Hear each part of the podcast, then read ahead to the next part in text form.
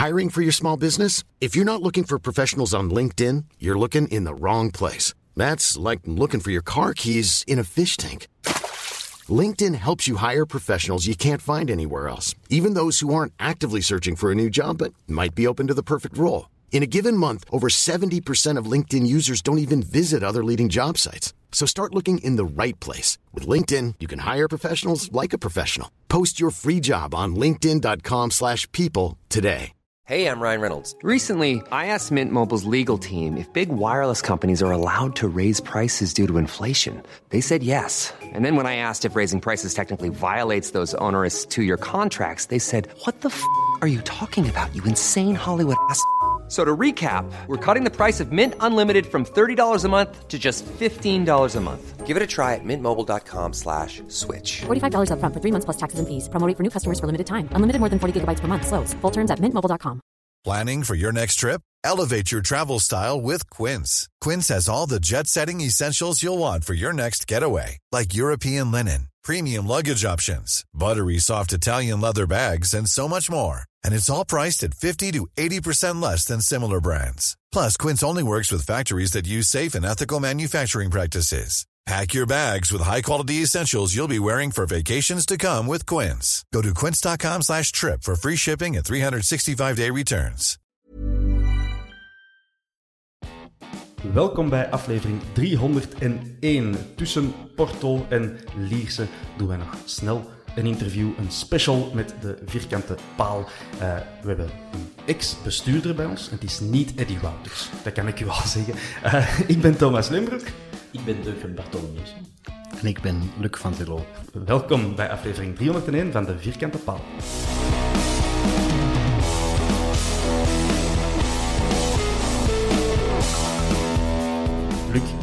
Niet Eddie Wouters. Is dat, was dat een goede inleiding? Oh, dat, dat- weet ik niet, wat dat een goede leiding is. Ik denk niet dat ooit mij iemand vergeleken heeft met Eddie Wouters. Dat is een eh, heel andere persoon dan ik. Ja. Ehm, niet veel vergelijkbaar aan, denk ik. Eh, Luc, we gaan eerst beginnen met de actualiteit. Eh, weet je wat ik komende maandag ga doen? Suske en Wiske boek lezen. Nee, maar eh, het is eh, herfstvakantie natuurlijk en ik heb een dochter van bijna zes. En eh, ik had gezegd tegen haar, vorige week al, dat we samen naar het Suske en Wiske Museum gingen gaan. En wat verschijnt er gisteren in eh, de Gazette? Ah, ja, oké. Luc van Tillo neemt het Suske en Wiske Museum over. Leg dat eens even uit. Wel, ik zou eerst willen vragen om tegen uw dochter te zeggen, wacht nog een jaartje, want ik neem dat over vanaf eh, volgend jaar. Oké. dus eh, nu zijn er nog geen inkomsten voor mij. Maar het is al een tweede keer dat we gaan, dus we gaan zeker nog eens terug gaan. Ja.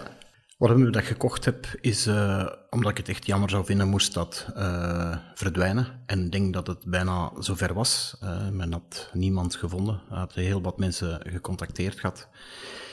En dan op een gegeven moment las ik in de krant eh, dat Luc Lemmens schreef dat ze in onderhandeling waren met Robotland. Eh, en ik viel van mijn stoel. Ik zeg, ik, er is totaal geen onderhandeling eh, gebeurd. En, eh, ik dacht van, ik bel niet graag, of niet veel, met mensen van een beerschot, maar Luc Lemmens is een, is, is een rat. Ik denk, ik ga hem toch wel bellen. Ik heb er nog een, een heel goede verstandhouding mee. En ik bel Luc op en hij antwoordt, ik wist dat je ging bellen. En vandaar, en dan zijn wij snel in gesprek gegaan en heeft hij mij de urgentie eh, laten blijken van, eh, goh, we moeten hier dringend een ondernemer eh, hebben of iemand anders die het, museum overneemt. Is dat niks voor, niks voor u om te koppelen met Robotland? En dan, ehm, ja, ik zag wel wat synergieën en mogelijkheden om dat samen met Robotland tot één geheel te laten komen binnenkort. En dan in een soort combi-ticketvorm of een, ik weet niet welk juist, maar in ieder geval één geheel ervan te maken. En de naam Susken en Wiske is natuurlijk eh, eh, iets bekender nog dan Robotland op dit moment. Eh, en is ook zeer gekend in Nederland, wat ik niet wist eigenlijk. Eh, maar 50% van de lezers van Susken en Wiske zit in Nederland. En ze hebben dezelfde doelgroep als eh, wij, van kinderen vanaf eh, acht jaar. Dus wij surfen een beetje op hetzelfde cliënteel, scholen en kinderen vanaf acht jaar. Dus dan met een dorp eh, dat naastliggend in, dan Essen is, is dat ja, moeten we wel iets kunnen doen, dacht ik. Ja, dus een voormiddag Suske en Whisky Museum, namiddag Robotland of andersom. Of andersom, ja. En dan een treintje tussen Essen en Kalmthout. En de Suske en Whisky trein zeker. Ja, Recht door de kant dat lief? Recht door de kant dat zijn.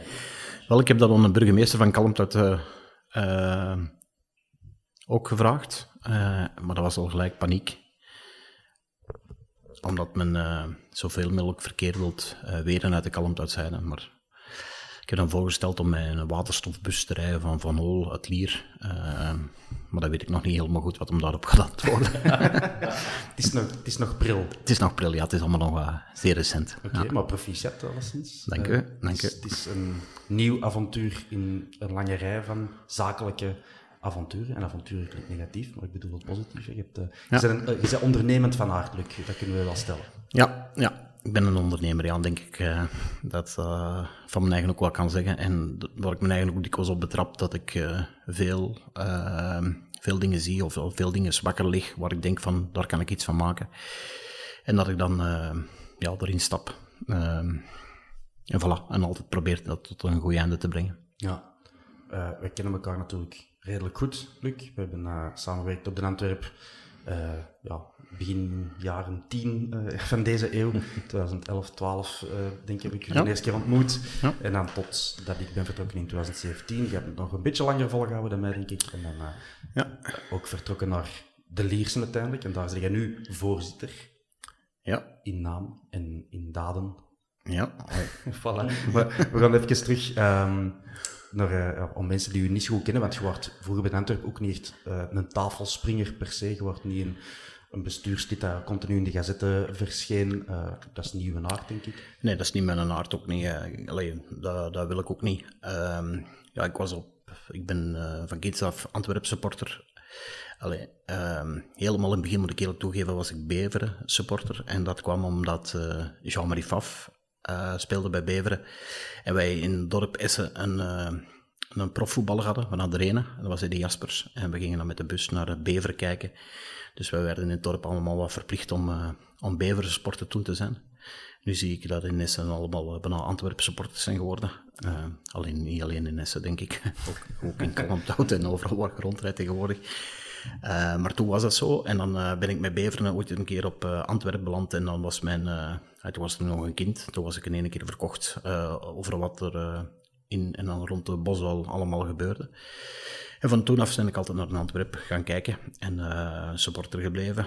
En dan is dat wat gegroeid tot, eh, ja, tot uiteindelijk eh aandeelhouder en een functie opnemen en de club mee overeind houden op het moment dat moest. En, ehm, Ja.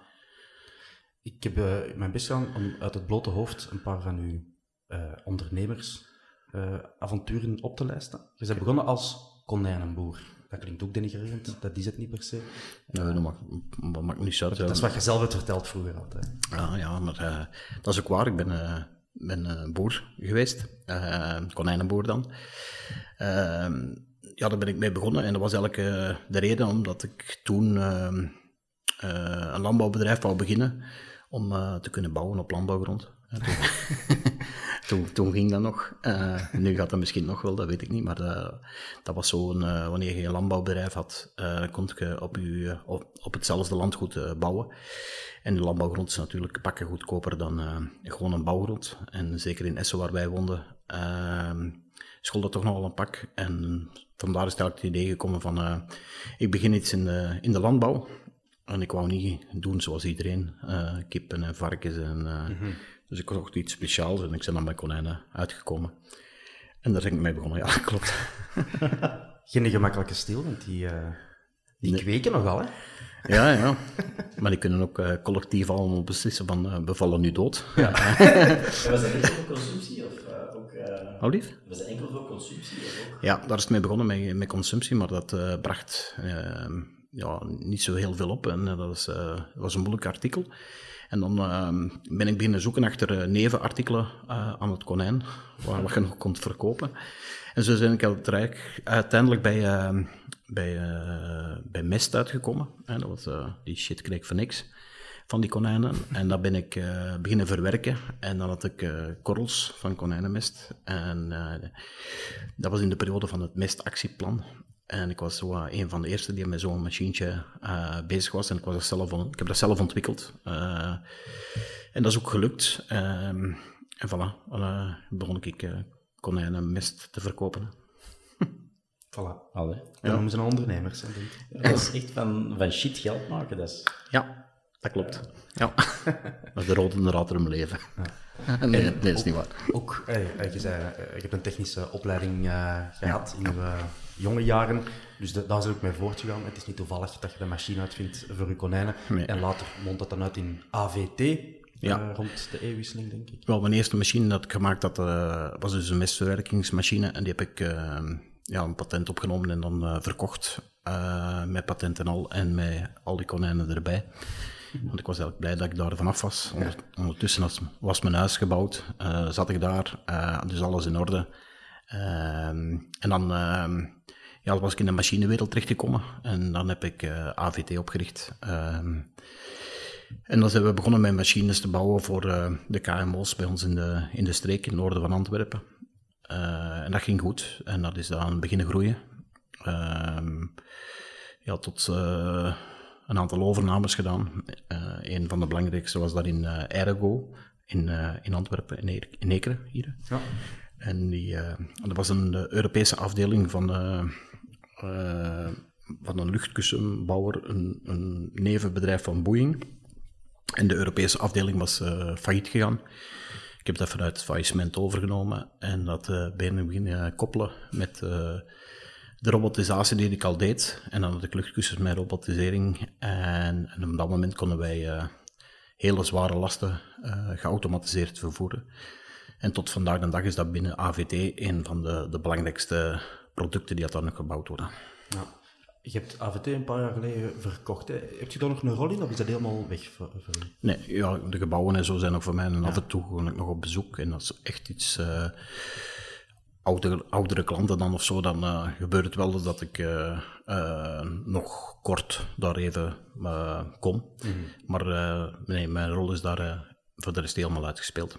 Okay. Dat is ook dankzij Antwerpen hè, geweest. Hè. Dus ik had ooit tegen gezegd tegen een van, op dat moment onze jeugdvoorzitter bij Antwerpen, Mark Lemaire was dat, die zei van, in de businessclub gaat het dan dikwijls over, wat doet je, en probeerde wat te netwerken. En die had ooit gezegd van, als je ooit met je bedrijf iets doet, laat me het weten, want wij zijn geïnteresseerd. Mm -hmm. En dan op een gegeven moment heb ik problemen gekregen in China, waar ik een vestiging had. En de Chinese overheid had daar beslist van, uh, dat we niet meer mochten exporteren naar, naar China met onze producten. Dus ik zocht iemand die, die de materie in China kende. En ik vertelde dat tegen Mark. En Mark zei van, oh, fantastisch. die hebben dat bekeken. Die gingen mijn Chinese afdeling dan overnemen. Mm. Maar dan gauw kwam hij terug en hij zegt, ja, we gaan niet alleen het Chinese overpakken, maar we gaan ook alles in, in Essen overpakken. En van het een is het ander gekomen en zij hebben alles overgenomen. En wat ja, wat nu schitterend gaat. Hè. De mannen doen dat ongelooflijk goed. Ja, oké. Okay. Maar ze hebben geen Suske en Wiske museum? Dat weet ik niet. Nog niet? Ik denk dat ze zo wat alle... Alles na. Ja, ja, ja, dat weet ik niet. In China maken ze alles na, ja. Uh, wat ik nog weet van u, Luc, een wassalon, automatisch wassalon. Dat is er ook nog, ja. Dat is er ook nog. Een carwash. Dat is er ook nog, ja. en... ja wacht, dat wassalon, dat intrigeert mij wel. Wat is ja? dat? Een automatisch wassalon? Nee, dat is gekomen in... Uh, ik heb ook zo uh, de neiging, wanneer er een pand te koop staat en uh, het ligt op mijn weg naar huis of naar het werk of whatever, dat ik een telefoon pak en daarvoor bel. En soms koop ik dat dan. En dat was een handelspand dat te koop stond. En daar heb ik iets mee gedaan en heb ik uh, kon er geen uh, ondernemer voor vinden voor daar uh, iets in te beginnen. En dat mocht ook allemaal niks. Uh, het was vrij strikt wat er, wat er mocht. En dan ben ik bij een wassalon begonnen. En dat is nog altijd zo, ja. je hebt ook die oude molen. In, wat was het? Was dat in? Be in Berendrecht, ja. Een, een molen van Berendrecht, een buitenmolen. Ja. Ik heb, ik nog aan het werk gezien en ik heb eens een pannenkoek gaan eten. Uh, ah ja? Hm. Is, dat, is dat er nog? Of, uh... Ja, die pannenkoek niet meer, hè. Die heb ik opgegeten. Dat was, gaat er horeca aan... aan Ja, ja, dat, ja dat, dat is nog, dat is ook uitgebreid. Er is een minigolf bij aangemaakt. En eh, dat draait er eh, supergoed. Eh, heel lekker trouwens. Eh, die mensen van het eetcafé, de Buitenbollen noemt dat nu, die doen eh, schitterend werk. En dat, eh, dat is een bom in Berendrecht. Oké, dan moet ik nog eens terugkomen. Ja. Dan Het is niet alleen pannenkoeken meer. Het is, het is eh, alles, Vlaamse kost wat je daar kunt eten nu. Dus heel lekker, heel lekker. ik top. Een, ja, een ijssalon wil ik zeggen. Ik weet dat er iets met crème glas was. Ja, ijs maken, dat doet Katrien, mijn vrouw, die doet dat nog. Maar ze doet dat niet meer in... ze doet dat enkel in groothandel. Uh, allee, groothandel, zo groot is het eigenlijk niet. Eh, ze doet dat enkel voor eh, de bedrijven die we zelf hebben. en daar levert zij het ijs in de molen bijvoorbeeld, in Berendrecht. Ja. top. En op Lierse. Ja. Ah ja, natuurlijk. En dan heb ik al de grotere projecten Robotland en nu Suske. Robotland, dat is ook vertrokken vanuit een droom, denk ik. Hè? Ja, dat is eigenlijk gekomen omdat ik altijd technisch geschoold personeel tekort kwam.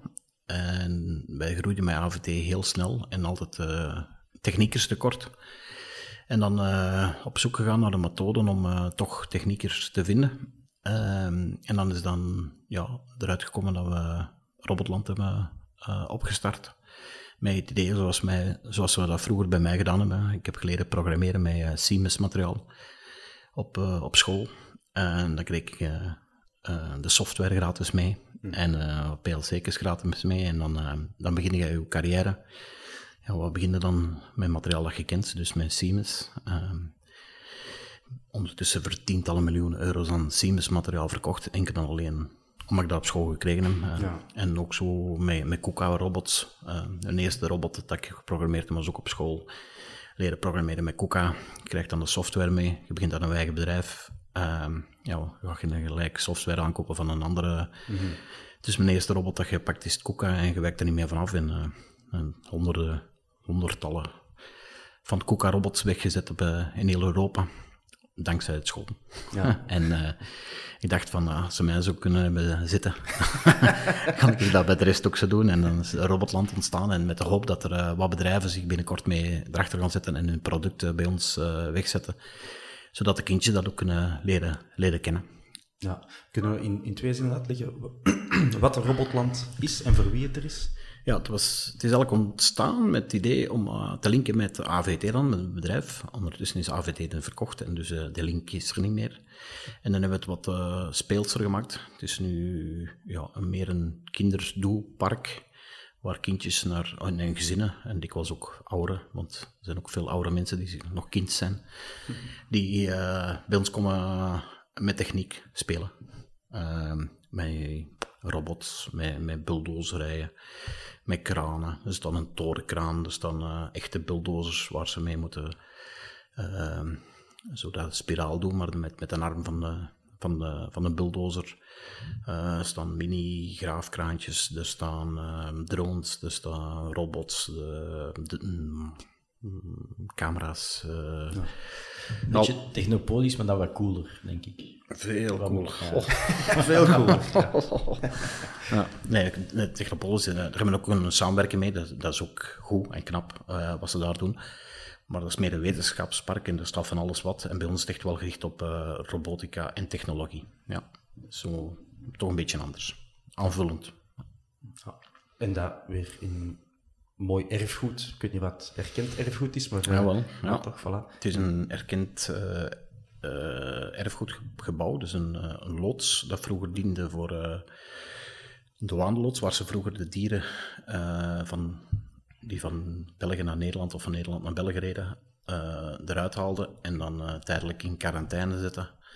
Om, ja, toen deden ze dat nog met dieren, nu doen ze dat met mensen in quarantaine zetten. en die werden dan een week eruit gehaald voor, voor ziektes en dan werden die doorgetransporteerd en die loods stond leeg. En die hebben we met steun van Campus Landschap en steun van de gemeente helemaal gerestaureerd. Prachtig gebouw, prachtig gebouw.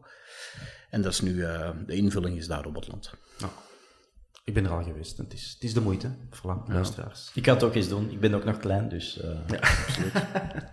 ik ben nooit te oud. Nee, we zijn ook, in het weekend zijn er veel gezinnen en er zijn heel wat ouders die ja, denk ik meer plezier hebben zelfs dan de kinderen. Als ik soms zie van die ouderen die ja, wat te kleiner dan zitten, daarnaast de kraan staat. Papa, wanneer gaan we weg? Of papa komt er eens uit. dus ja, dat, dat is ook leuk.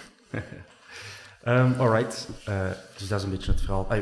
Ben ik nog iets vergeten in dat lijstje? Waarschijnlijk wel. Er zijn nog tientallen dingen wellicht die ik... Ja, er zijn er nog wel een paar, ja. Is er nog iets dat de moeite waard is om hierin mee te nemen? Nee, denk het niet. Want wellicht mislukt er ook af en toe iets, maar daar praten we dan niet Ja, daar praat ik niet graag over. en inderdaad, er, er mislukken veel dingen. Uh, uh, maar daar praat je niet over, dat klopt. Ja. ja dat is bij iedereen zo, denk ik. Ja. Ten Antwerp, laten we ons daar eens over hebben. Dat is wel gelukt, laat ons zeggen, hè, uw passage daar. Um, hoe zit je initieel bij de Antwerp terechtgekomen? En ik denk, allee, laten we pakken vanaf businessclub um, verhaal.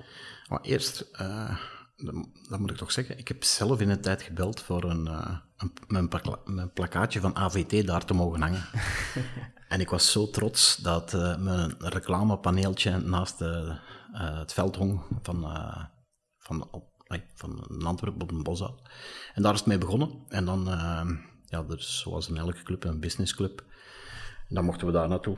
Uh, plezant en goed. Uh, dus deden we allemaal. En dan, ik weet niet welk jaar het juist is, maar toen Gunther Hofmans met Jos Vragen naar een NV oprichtte en de club overnam.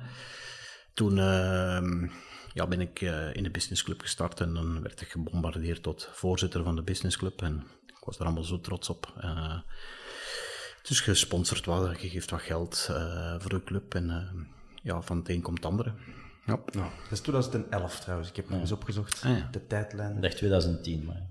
Ah. Nee, denk, ik dacht, in mijn hoofd was dat 2010, maar... Denk Gunder Hofmans, die een, denk ik, hè, misschien zwart, zal er eens die periode, die periode.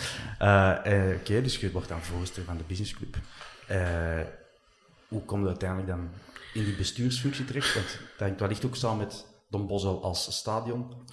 Ja, nog niet. Hè. Dus, uh, en dan wil ik toch wel zeggen, zijn, er zijn verschillende mensen die uh, in een club uh, actief zijn, die beleidsfuncties uitmaken. Die, heb ik nu Gunther en, en Jos Vragen, die, die ook heel veel voor de Antwerpen hebben gedaan. Hè. En dat wordt dikwijls wat, wat onderschat. Maar als zij er toen niet geweest waren, was het misschien toen al wel gedaan geweest. Maar dan komt hij in de club met heel veel schulden. Dus elke dag stond er wel een, een deurwaarder op de deur die uh, dezelfde tafels en stoelen op kon schrijven elke keer, want uh, veel, veel, hadden we niet. Um, dus dat was heel moeilijk werken.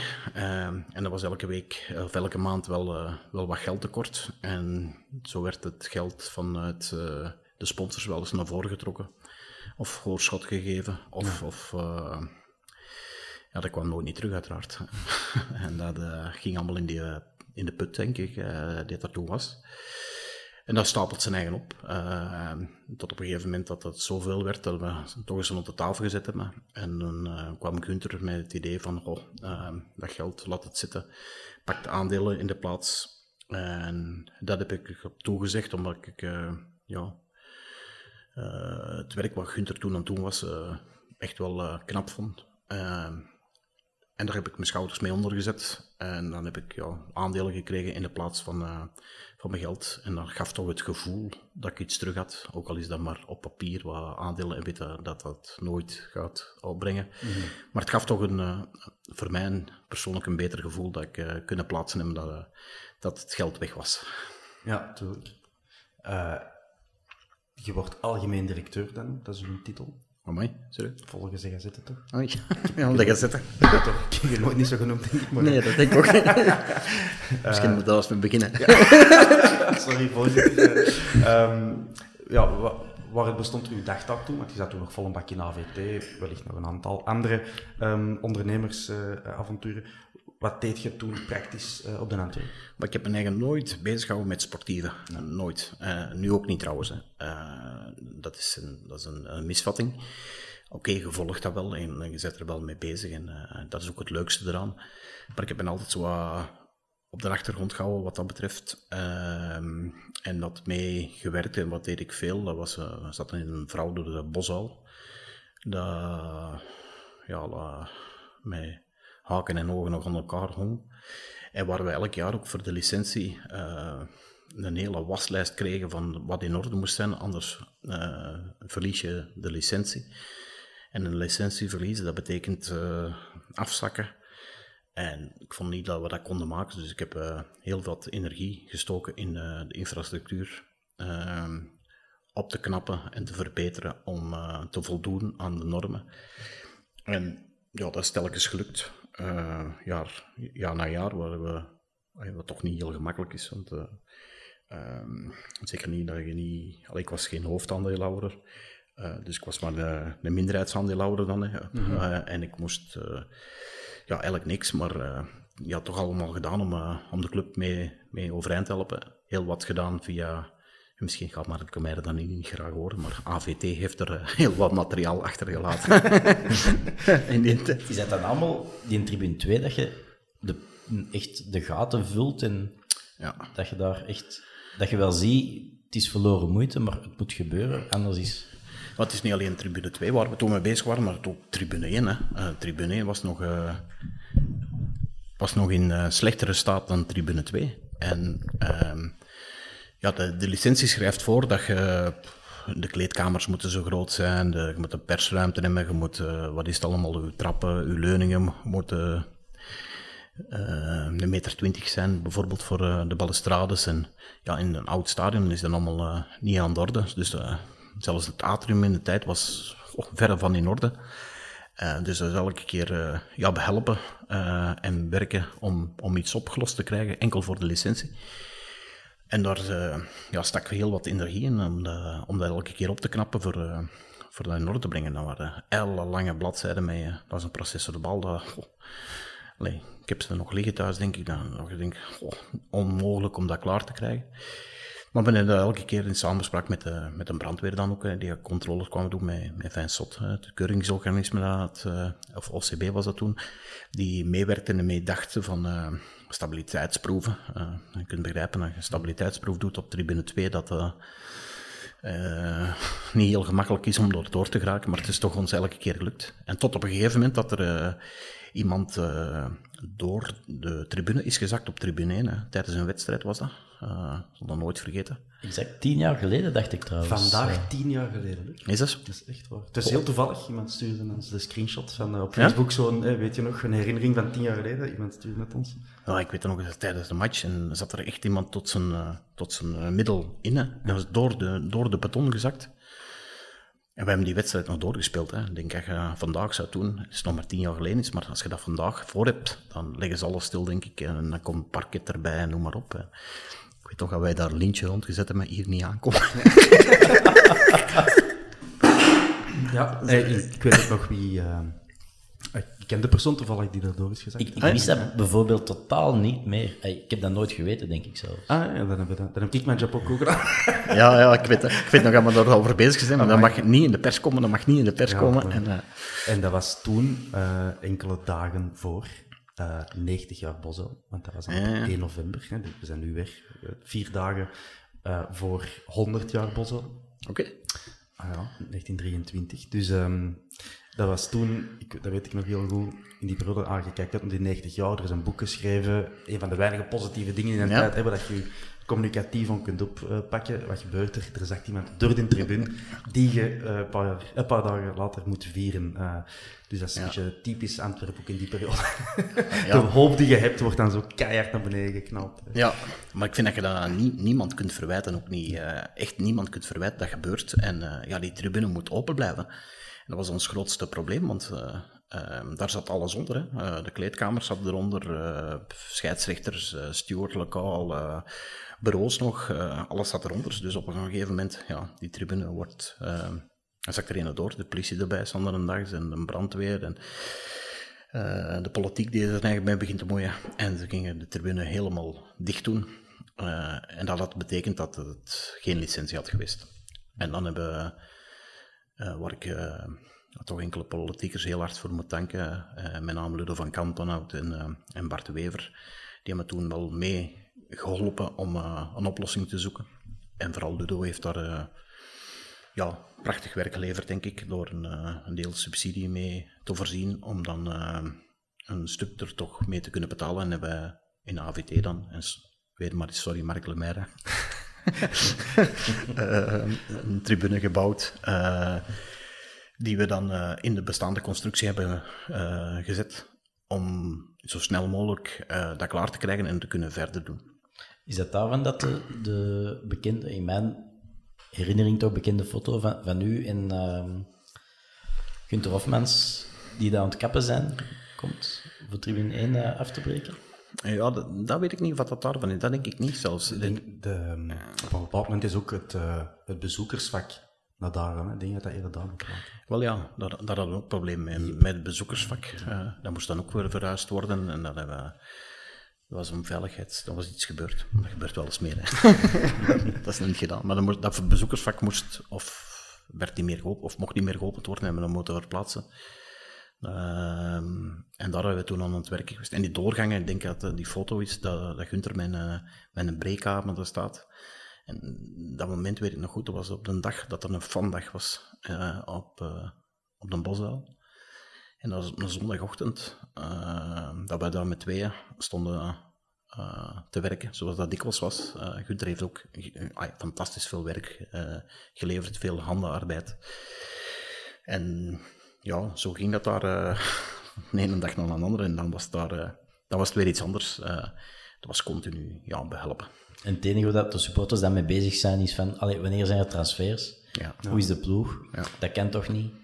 Ja, erger nog... Zo kortzichtig zijn we dan wel. Ja, wel erger nog in, in, over die foto en die toestanden daar heb ik mij dan proberen tegen te verzetten. Maar wat je daar vaak over las en hoorde van supporters was, allee, dat is toch een schand dat hij dat daar zelf stond te doen. Dat je denkt van, ja, hoeveel opties denkt, denken die mensen dat Luc en Gunther hebben? Allee, dat is niet die nog honderdduizenden euro's uh, erin smijten, alsof dat niks is. Blijkbaar is dat dan wat die superkritische fans verwachten. Op dat moment was dat totaal niet aan de orde. Elke dag dat je die tribune niet opnieuw kon opdoen, was een bedreiging voor de hele club. En wie stond het daarop te lossen? De algemeen directeur en de sportief directeur, die handenarbeid ontleverden. En in plaats van te zeggen, chapeau, ik, ik, kan ik helpen? Nee, er zijn er een hoop die onder de zijlijn stond te lachen. En denk ik wel. Maar ik, ik, ik vind dat, uh, allee, ik heb dat nu ook bij, bij Liersen af en toe, bij, bij sommige kritische mensen, dat is, dat is zo hard afhankelijk van wat ze op die, uh, op die groene matten doen, hè, de spelers. Mm. Gaat dat goed? is dat fantastisch wat hij daar aan toe en ziet is. Hè. Die zijn er zelf mee aan het werken. Uh, verliezen een paar keren. Zie je eens? Ai, je moet er niks anders doen. Ja. Precies of je uh, in één keer andere spelers kunt gaan kopen of... Uh, ik weet niet wat je moet veranderen dan, maar ja, zo wordt er wel gedacht. En dat is Sportieve verdoezelt alles, hè. ten goede en ten kwade vaak.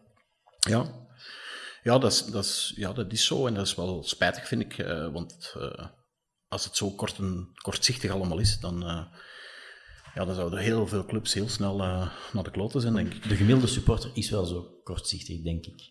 Voor enkel naar het sportieve te zien en niet verder door naar het achterliggende structuur en het werk dat daarmee gepaard gaat. Wat, wat, wat, mij verrast, wat ik altijd gedacht had, dat is dat uh, in Antwerpen dan, uh, als ik daar nu kom, dan de echte sporters, die, die weten nog wat we gedaan hebben maar hoeveel mensen dat uh, niet meer weten wat, wat er allemaal gebeurd is. Die, die, die nu zeggen dat ze echt uh, lang supporter zijn, maar ja, die hebben wij nooit gezien. Maar die, uh, ik word regelmatig gevraagd, Luc, gaat er eens niet mee eten op een Antwerp? Zijn er al eens geweest? Dan denk ik van, my god, jongen. ja, want het zijn echt, echt bedrijven die aan mij dat vragen. En dan denk ik van, allee... Weet, weet, ik zou wel beledigd zijn op dat moment.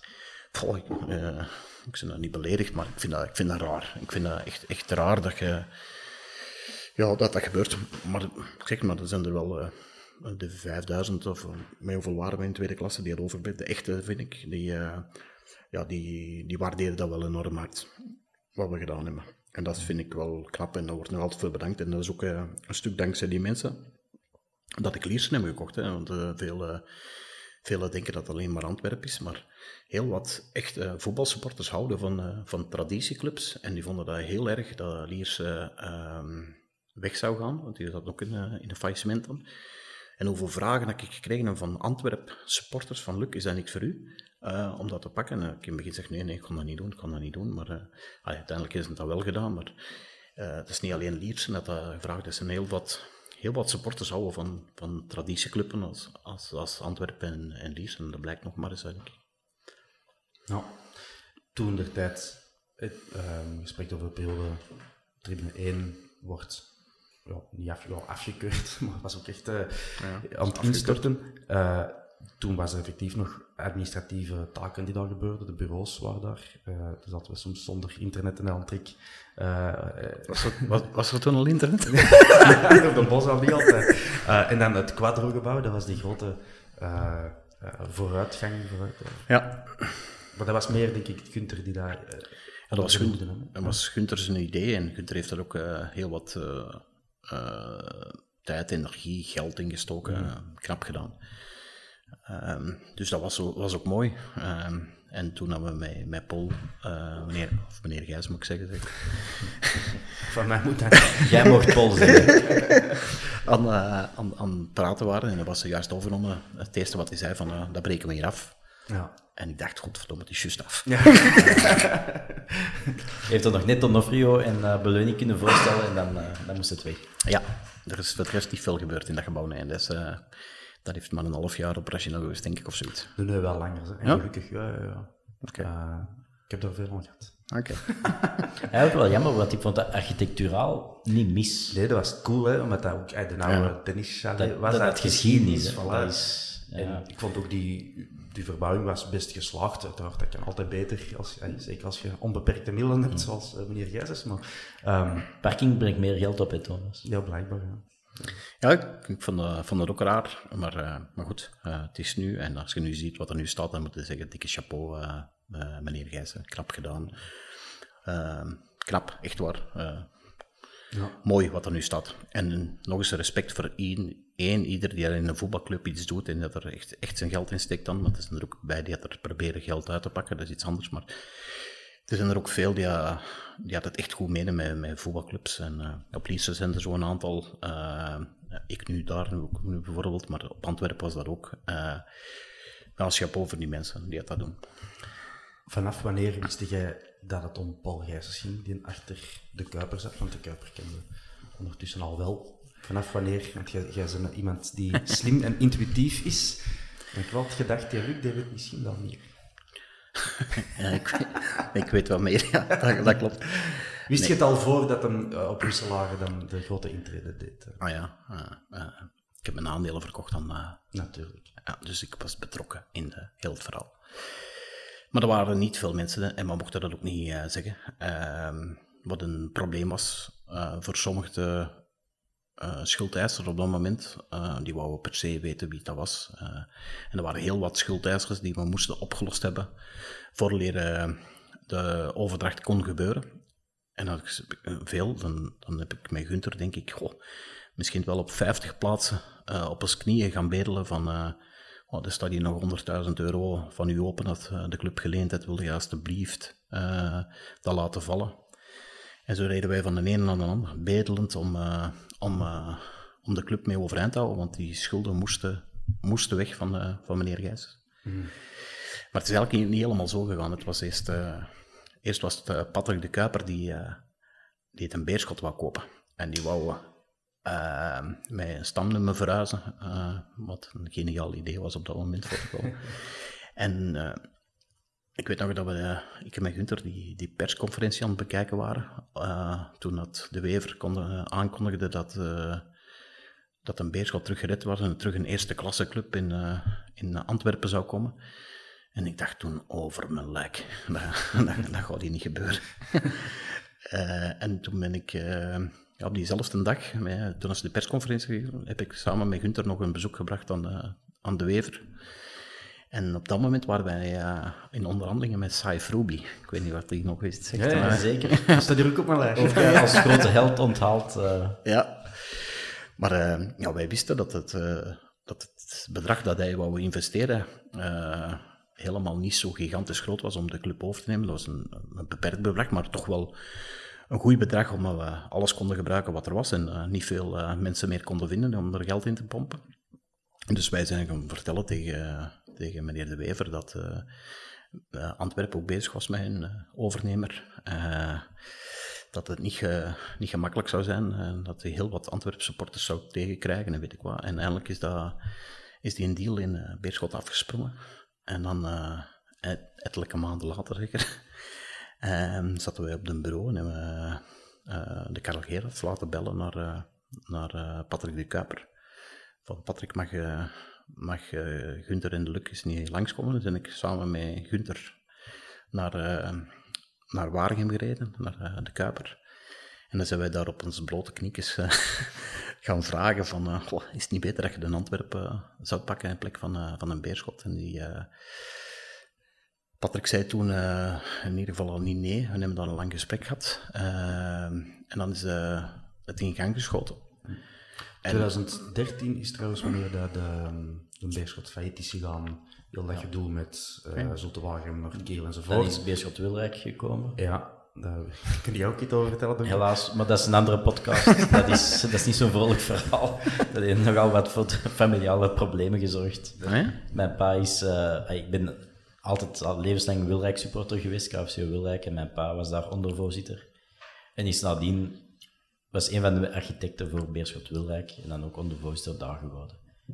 Eh, Amai, dus dat heeft wel voor wat spanningen gezorgd binnen de familie, kan ik u zeggen. dat kan ik geloven. Ik wil hem dat niet verwijten. Nee, nee, dat begrijp ik. Eh, dus 2013 en dan Patrick de Kuiper is eigenlijk 2015 dat hem op het toneel verschijnt bij de. Dus het wel, er zit twee jaar van gesprekken met de Kuiper? Of? Nee, Ja, het heeft, het heeft lang geduurd. Hè. Eh, de, de eerste gesprekken hebben we met Patrick gedaan. Tot op een gegeven moment dat wij eh, ja, de boeken allemaal op tafel moesten leggen. Eh, en dat hem inzage kreeg in... oei, sorry. In, eh, inzage kreeg in de, in de financiële malaise nou, waar wij in, eh, in zaten met Antwerpen. En dan op een gegeven moment heeft hij eh, gevraagd van, is het oké dat wij een investeerder, of dat ik een investeerder meebreng? En vanaf toen pas is eh, Paul Gijssen in beeld gekomen. Had niet in beeld zelfs, die wou absoluut niet geweten zijn.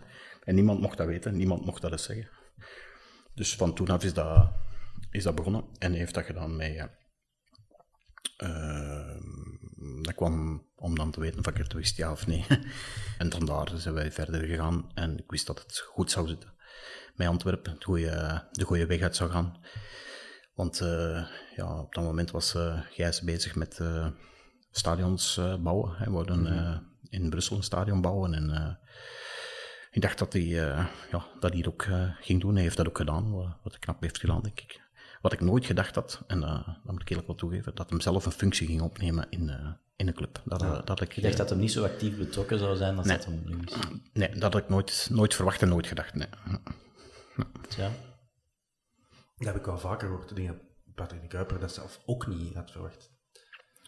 Ja, Dat ik denk dat dan toch die microben is dat je voelt van dat is plezant zo met die club bezig zijn, als sportief goed gaat.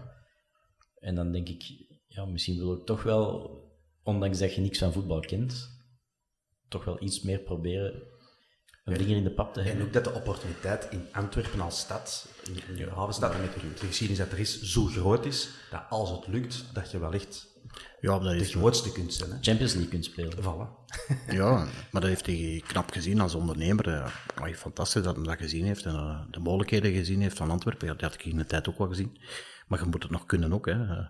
Als je ziet wat geld dat hem er tegenaan gesmeten heeft. eh, ja, sorry, maar dat kan ik niet. En sorry voor liefste sporters. eh, zo, dat kan ik niet. Eh, en, en ik vind het ook geen schande om, dat- om dat niet te kunnen. En er vooruit te komen. Maar ehm, ja, wat hij heeft neergezet op zo'n korte tijd is een chapeau. Echt, echt knap. Ja. Ja. Ehm, ik vroeg het omdat je u niet hebt versproken, maar toch iets, iets ehm, interessant had gezegd in voorbereiding naar de match tegen Eupen. 2015, 2016, de match tegen Eupen.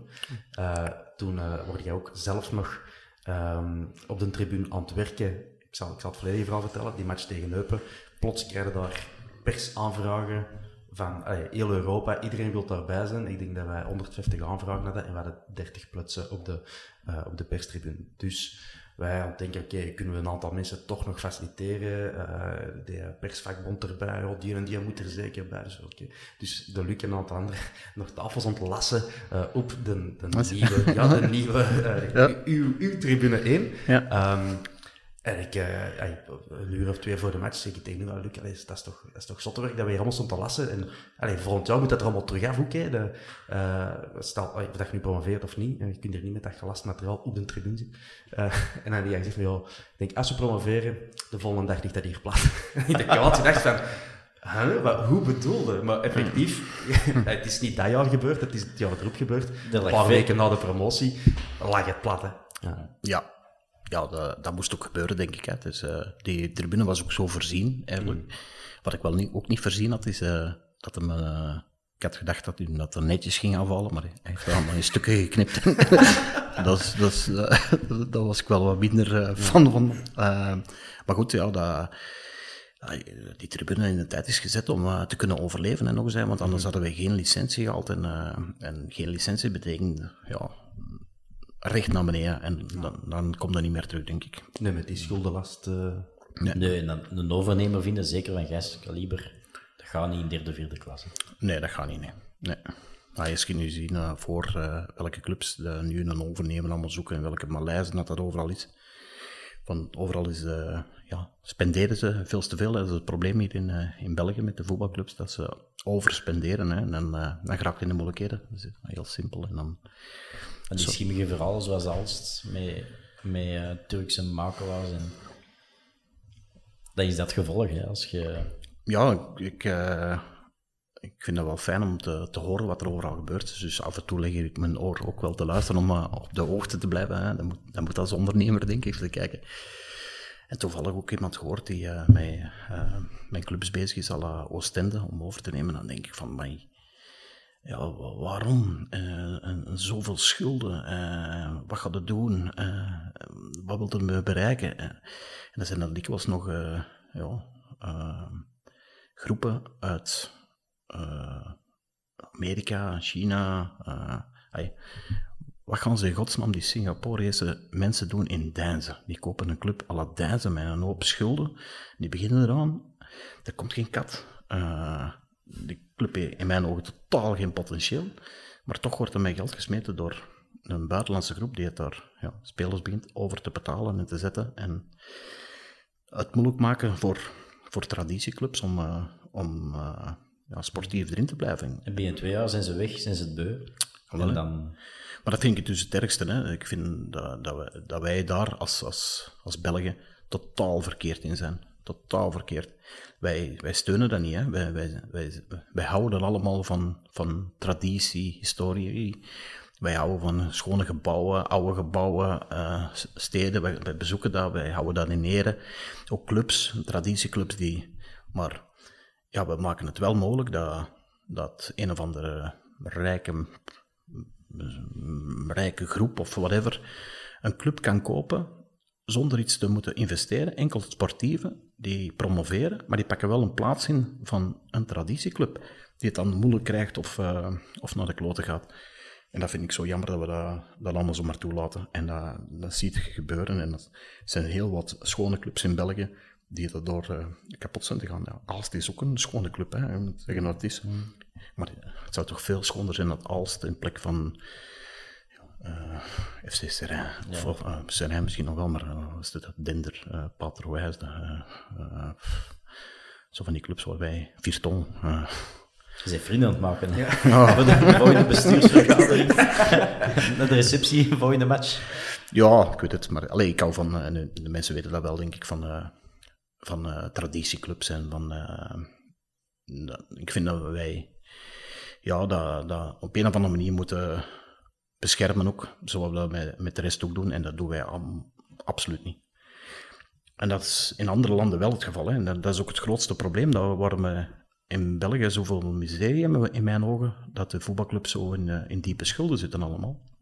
Is dat, uh, ja, je moet er tegenop boksen. Je speelt 11 tegen 11.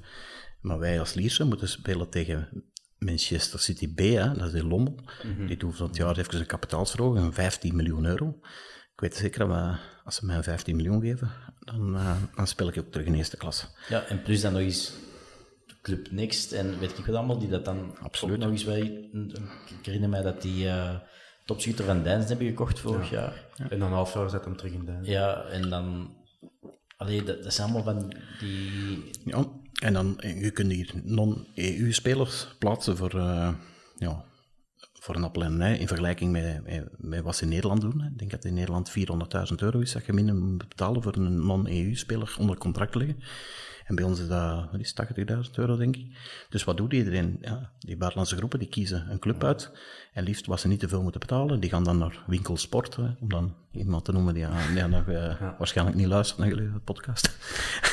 maar die kopen dan winkelsport bijvoorbeeld. En die pompen daar uh, een hoop hele goede spelers in. Die doen niks om de stadion, want meestal krijgen ze dat nog van, van de gemeenten of whatever ter beschikking. Die zijn daar enkel mee bezig, die proberen te promoveren, die proberen dan geld te verdienen op die, uh, op die speler. En als dat klaar is, of ze zijn moe, dan zijn ze weg en dan laten ze de club achter in alle shit. En dan, uh, dan hangt zoveel aan vast, waar ik denk van, goh, moeten we dat zo allemaal maar toelaten, dat dat zomaar kan, kan verdwijnen, omdat er één iemand vindt dat hem hier geld moet kunnen komen verdienen op van wat spelers. En daar denk ik dat wij in België flink in de fout gaan. Ja, wat vinden... ik ken uw mening al, denk ik, maar je mocht het zelf vertolken. Uh, van die, die B11-tallen in, in de Challenger Pro League, de, dezelfde reeks waarin een profclub als Lierse met alle uitdagingen van die uh, probeert te strijden voor sportieve eer. En dan moeten tegen 18, 19-jarigen um, B11-tallen spelen van de grote clubs. Maar ik vind dat eigenlijk niet zo, niet zo heel slecht. Hè. Ik weet niet uh, dat je dat verwacht had als antwoord. Nee, uh, ik zal ook zeggen waarom. Uh, ze betalen daar heel veel voor aan de andere clubs. Mm. Omdat wij, en dat geld kunnen wij heel goed gebruiken in een club als Lierse. Dat is één. Twee, voor onze spelers, Belgische spelers, een, een, kans te geven. Vind ik dat fantastisch. die mannen kunnen daarin in groeien. Die spelen echt heel professioneel voetbal. Ze kunnen niet stijgen. Ehm, het enige probleem dat ik daar wel heb, is dat ja, die lege stadions, uh, en, en daar moet iets aan gedaan worden. Dat, ja. dat is niet helemaal correct, maar uh, ja, ik ben er niet helemaal tegen. Ik denk dat dat goed is voor de ontwikkeling van, uh, van de jonge Belgische spelers. Maar het kan op een gegeven moment toch wel een soort van competitieverrassing zijn als de één week club niks zegt, kom we pakken Björn Meijer erbij en misschien nog twee andere van de Nakeren. Ja, klopt. En dan twee weken later zijn het allemaal 16, 17 jaar. Ja, klopt. En dat doen ze ook, hè. Dat, is, dat is spijtig. Dat vind ik ook. Ja, eh, Antwerpen heeft het ook gedaan. Hè. Op. Hoogstaten weet ik vorig jaar dat wij mee, of twee jaar geleden, met een, uh, een bijna A-ploeg hebben gespeeld. Ja. Uh, ja, dat, dat, klopt. En dat, dat is eigenlijk spijtig. Daarin moeten de regels wat aangescherpt worden, denk ik. Om, uh, maar ik had ook in het begin, toen we dat mee goedgekeurd hebben, helemaal niet verwacht dat ze dat zo gingen, ja. zo gingen doen. Ook die speler, die extra speler, dat ze dan mogen aantrekken ja, dan denk ik, dat was de bedoeling dat er iemand was voor in de kleedkamer. Mm Maar wat ze dan gaan doen, uh, ze gaan uh, een spits halen die aan moet scoren. Dan, ja, dan denk ik van, nou, we zijn nu bezig. Ja, laat die jonge, die jonge spits, daar dient dat juist voor. Om, om, die daar te zetten, niet, uh, niet een van 30 jaar die op retour is. je kunt dat ook eens bekijken. Um, dat je vroeger hadden clubs zoals Liersen, of ik zal zeggen, die buiten die, die topclubs of, of buiten die eerste klas vallen, eh, waar die jonge gasten die het nog net niet maakten bij Club Brugge, bij Anderlecht, dat waren toch potentiële spelers om aan te trekken voor de Liefste, voor de Westerlo, voor, voor, heel veel clubs. En nu hebben die dan niet meer. Hè. Die jonge spelers die kunnen gewoon bij die club blijven. Mhm. Hier kan ik nog tot mijn 22 ontwikkelen. Ja, en daarna weet ik wat ze gaan doen, maar de kans dat zo'n gast... Vroeger had misschien een Van der Bremt bij Lierse uh, een jaar of twee jaar gezeten, omdat hij geen kans kreeg in het eerste elftal kan die zich daar ontwikkelen bij Lierse. En naar het Lierse er iets aan gaat, en dat is dat niet meer, dat blijft dat allemaal in de portefeuille van die vier of die acht clubs die, dat, die, dat, die zo'n avontuur aan kunnen. En ik vind dat op lange termijn net nefaster. Ja, dat klopt. Dat, dat vind ik ook wel. Dus, uh, de vijver waar wij moeten uitvissen wordt, wordt een pak kleiner door dat. Langs de andere kant, als je in de club bent aangesloten en ja, is het ook wel, wel fijn, denk ik, dat je daar uh, een lange carrière kunt maken. Wij zouden ook niet, uh, niet liever hebben dat Melis er binnenkort ook uh, ons BL of al mee kan, op mm. dezelfde manier mee gaan geïntegreerd worden in, in dat verhaal. Maar ja, het klopt dat het een. Maar ik vind het aan de andere kant ook wel een bescherming voor de, voor de traditieclubs en de grote clubs, mm. ook Europees. dat je, als wij daar ons voetje willen gaan neer, naast zetten als die andere dingen, dan moeten we toch wel ja, alles, alles doen om uh, de echt grote clubs uh, te helpen ook. En als je ziet hoeveel spelers van, uh, pak nu van Club Brugge, die verleden jaar in 1B spelen, die getransfereerd zijn of in de, in de A-ploeg staan, of, of van Anderlecht. Ja, dat is waanzinnig, hè.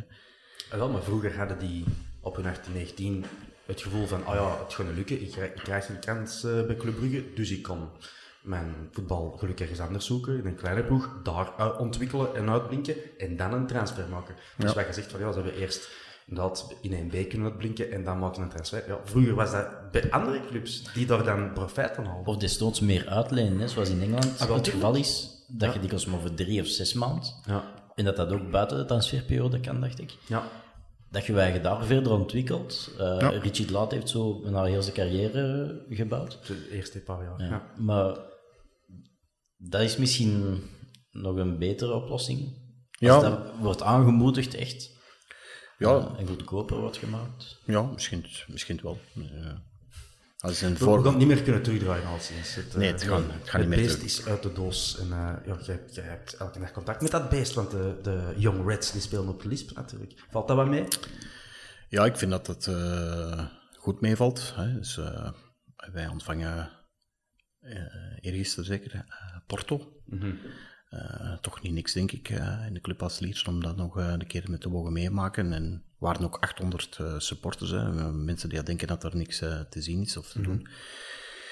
Ja, dat is zo. Dat is een samenwerking. Maar ik vind ook, eh, ja, clubs hebben elkaar nodig. Hè. Wij, veel, eh, veel supporters eh, die denken van, eh, oh, wij zijn allemaal vijanden van elkaar.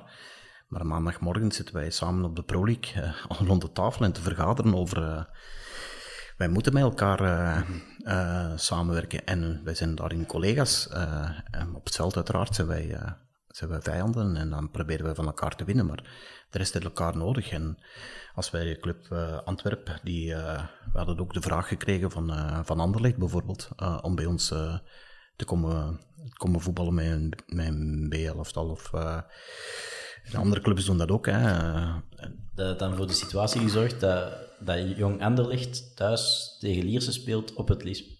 Ja, maar dat, ja, dat was iets dat, dat niet mocht. eh. Dat, die wedstrijden waren dan wel uitgesloten. Die moesten dan naar de, ze hebben jaar naar de Koning Boudewijn stadion uitgewikt. En wij hadden al gekozen dan om dat toch toe te laten met Antwerpen. Dus voor ons was dat niet meer aan de orde. Want dan, eh, ja, dat zouden we dat niet aankunnen uiteraard.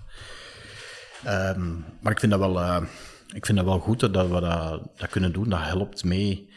En ik weet dat dat voor Lierse sporters moeilijk is, heel moeilijk is om dat, om dat te begrijpen. Maar ja, dat voor, eh, voor een club rendabel te krijgen, is dat wel een bron van inkomsten die wij wel nodig hebben om, dat om dat Lierse mee te laten groeien.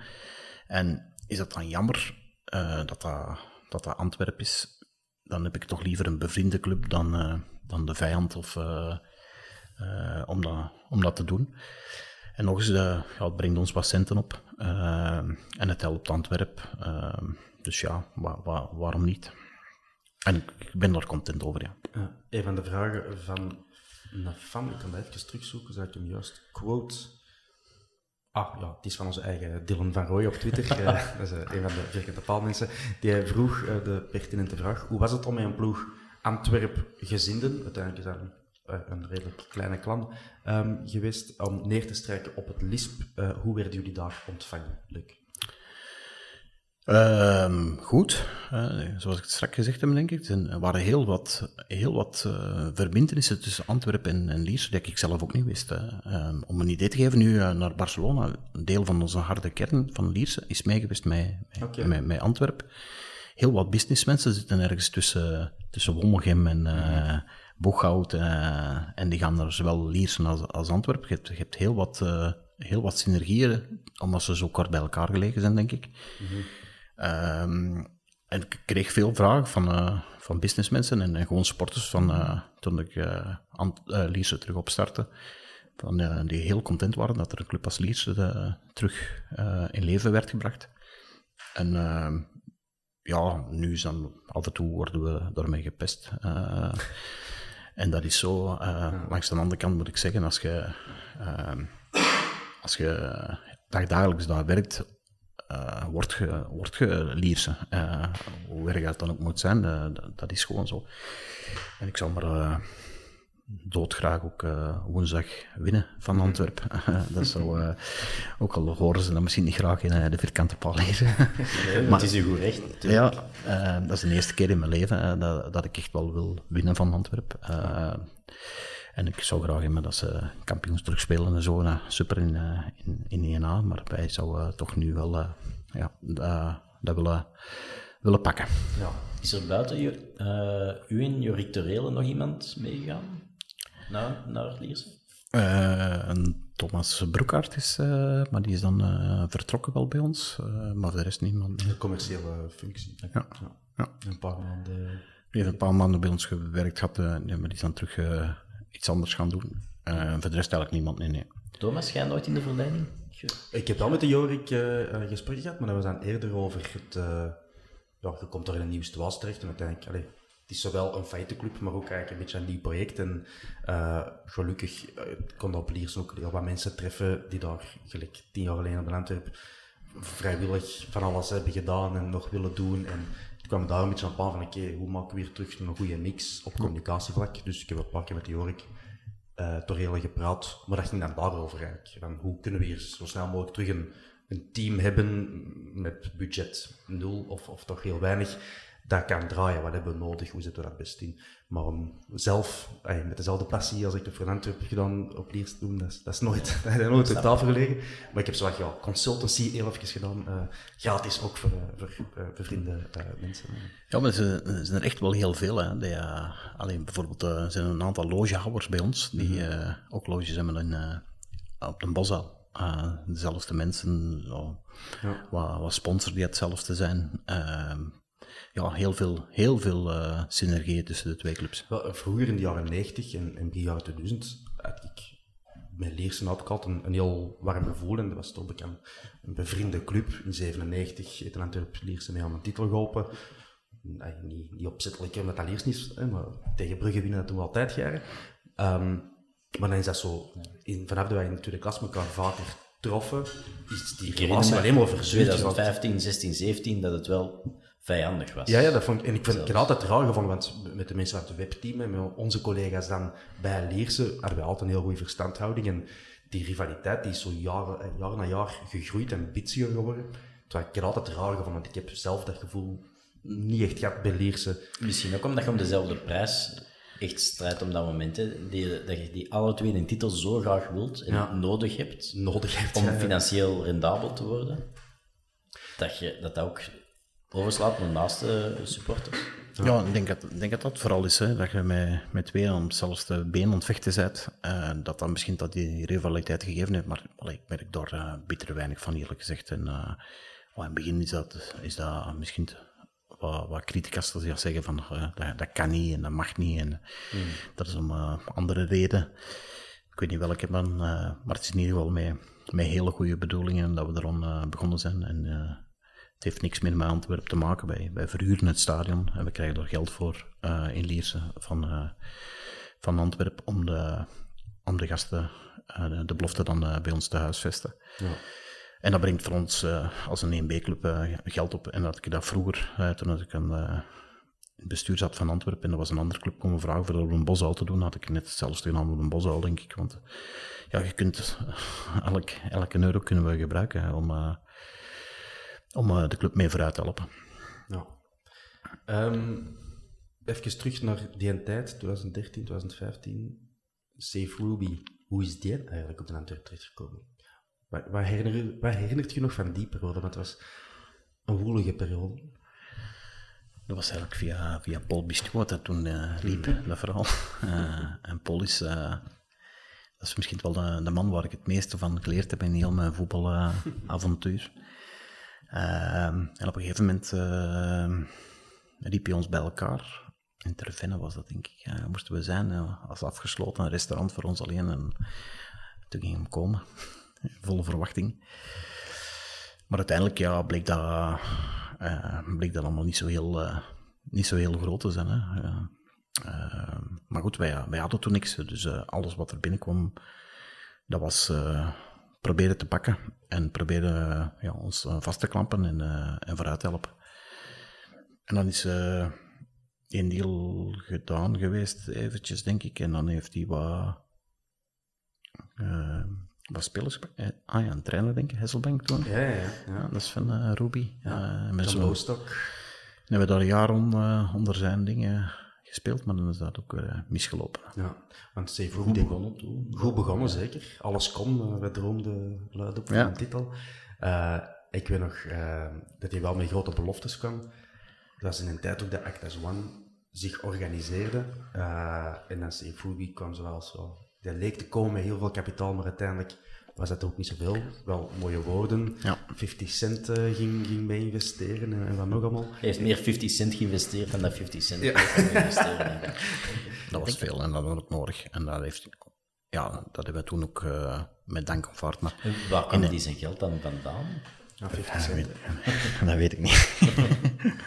en, maar allee, we hebben dat wel uh, ja, we dat nodig hè, voor alles te kunnen betalen. Hè, want ehm, het stadion was niet in eigendom. Uh, kosten langs alle kanten. Uh, spelers, uh, schulden. Ja, dat stapelt zijn eigen op. elke euro oh, moesten we echt wel nadenken van gaan we die gebruiken. Is het nog voor een speler? Is het nog voor een premie? Of is het voor, of is het voor de verwarmingsketel? Of, het is echt, was echt, echt zoeken en op, proberen op te lossen.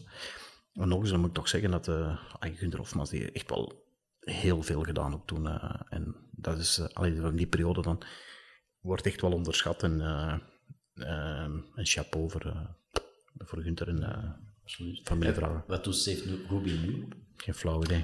Ik volg hem nog op Twitter en die zit nu in een... ik heb er lang niks van gehoord, dat hem gewoon stilletjes was, maar hij is zich nu wel, ik denk, ingekocht in een, een van de clubs in Saudi-Arabië of Qatar, ik weet het niet. In een club met een moeilijke naam. En, um, dus hij is, hij is, terug in het voetbal, ik zal het zo zeggen. Dus ja. Ja, misschien. Succes aan, uh, aan Safe Ruby. Ik heb hem een keer of twee ontmoet en een keer dan ook dat hem zo in een hotel in Antwerpen, ja. in de kelderverdieping, uh, met, met, een aantal vertegenwoordigers van fans, ook kwam praten nog voor het echt publiek ah, ja. was, denk ik. Om, um, ja, om zijn goede bedoelingen uh, te tonen eigenlijk. En, hij heeft er niks baanbrekend gezegd. En dan zegt zo iemand wat je ervan verwacht, hè, wat hem wil doen. Uiteindelijk is allemaal niet veel van gekomen. Ja, klopt. Maar dat leek mij nou wel... Allee, we kunnen daar heel smalend over doen, maar ik denk ook niet dat... Het, is ook, het was ook geen oplichter of zo, die ja. Nee, ik denk ook gekomen is. gewoon gewinst dat hij meer geld had, zodat hij de dingen dat hij zei effectief kon, kon uitvoeren. Maar het is ook geen, geen kwaadaardige oplichter, dat heb ik er nooit in gezien. Hè. Nee, absoluut niet. Dat vind ik ook. Uh, dus ook nogmaals, aan alle, alle mensen die. Dat is de ene die effectief ook met geld kwam. Voilà, ja. En, en die, zijn er, die zijn er niet veel. Hè. Ik ben er ook zo in. Ik, ik, eh, dat kost me geld. Uh, Paul Gijssen, dat kost hem geld. Die, die verdient er niks aan. Uh, zo zijn er nog. Uh, Gunther Hofmans, dat heeft hem geld gekost. die heeft niks aan verdiend. Die heeft alleen met schulden achtergebleven. En dat wordt dikwijls wel onderschat. En als het dan slecht gaat, of de resultaten zijn slecht, dan krijgen die mensen op hun dak. En dat is zo fout van de week, uh, Champions League match, als je dan zie dat het waterkanon weer op, uh, op het veld komt, dan denk ik van, my god, is dat allemaal nodig? Waarom, waarom, uh, zo'n gemaakt eerst van tevoren, ah, vond ik dan zo'n prachtige tifo. super, zo chic. Als je weet hoe lang ze daarmee bezig zijn geweest, ik, zie, ik zie ze bij ons ook regelmatig bezig, dan denk ik van, knap jongens, dat is pro de club en dat is werk en dat kost hun ook geld, en dat kost hun uh, materialen, tijd, uh, energie. En dan een aantal, uh, uh, ja, die dan een bomke willen gooien, omdat die dat leuk vinden, denk ik. dan denk ik van, oh, als, als, als clubeigenaar of, of mensen die er dan geld in steekt en gebed van, oh, maandag krijgen we de factuur binnen van een bond om om dat bommetje te betalen dat ze hier juist gewonnen. Eh, en dan, en klapt dat één keer, twee keer, drie keer. En dan ze nog een bengal op. En dan ga je al tellen, hup, ze weer duizend euro, nog eens duizend euro, nog eens... Ja, dat is geen leuk geld. En uh, dat geld uh, houdt er liever bij. En denk je, als elke, elke club voor, uh, voor betere spelers of voor investeren in, in, in, iets wat, wat positief is. En, en nogmaals, ik vind dat zelf zeer knap. Hè. Ik, ik hou van Bengal, ik heb er zelfs nog liggen. Dus, dus ja, ik, eh, dat, is, dat is mooi en uh, dat is gezellig en dat is knap, en dat mag niet meer. Uh, en daar worden voor beboet en dat is jammer. Misschien wel iets dat dat nog aangehaald moet worden. Dat je sprak over die periode uh, rond 2013, 2015, dat je ging praten met de Kuiper, met schuldeisers enzovoort. Misschien een stoute vraag, maar zat mevrouw Tanja Mintjes ook bij die mensen bij wie dat op je blote knie ging zitten? Want die, die zegt nu dat ze nooit is eh, benaderd. En wij als buitenstanders, wij weten natuurlijk niet waar het de klepel hangt. Uh... De, ja, nu kan ik dat wel zeggen, denk ik, want het heeft in de krant gestaan. De belangen van Tanja worden behartigd door Francis van Rodink. Mm -hmm. En daar zitten wij, hebben wij veel mee rond de tafel gezeten. Ja. Want die had ook een bestuursfunctie in de VZ2, toch? In de, of als lid van de VZ2. Ja, ja. En ik heb altijd een zeer goed contact gehad met Francis, nog altijd. Uh, en ik begrijp hem langs de ene kant uh, een stuk wel. Uh, langs de andere kant begrijp ik Paul Gijssen ook. het is een moeilijke situatie. Ik ken, ze heel goed. Ehm, het, is wel jammer dat dat niet, allez, dat, dat niet opgelost geraakt. En ik, ik, denk dat het, dat het vrij simpel is. maar er moet een moment komen om dat rond de tafel gaan zitten en dat, dat uit te klaren. zijn allemaal slimme, goede ondernemers die het beste voor hebben, daar ben ik zeker van. Uh, het is alleen een andere visie. Ja. En dat is ja, hetgeen wat er, wat er nu tussen zit. Hè. ja. Het is ook altijd mijn gedacht geweest, van, ja, dat zijn allebei ondernemers, succesvolle mensen.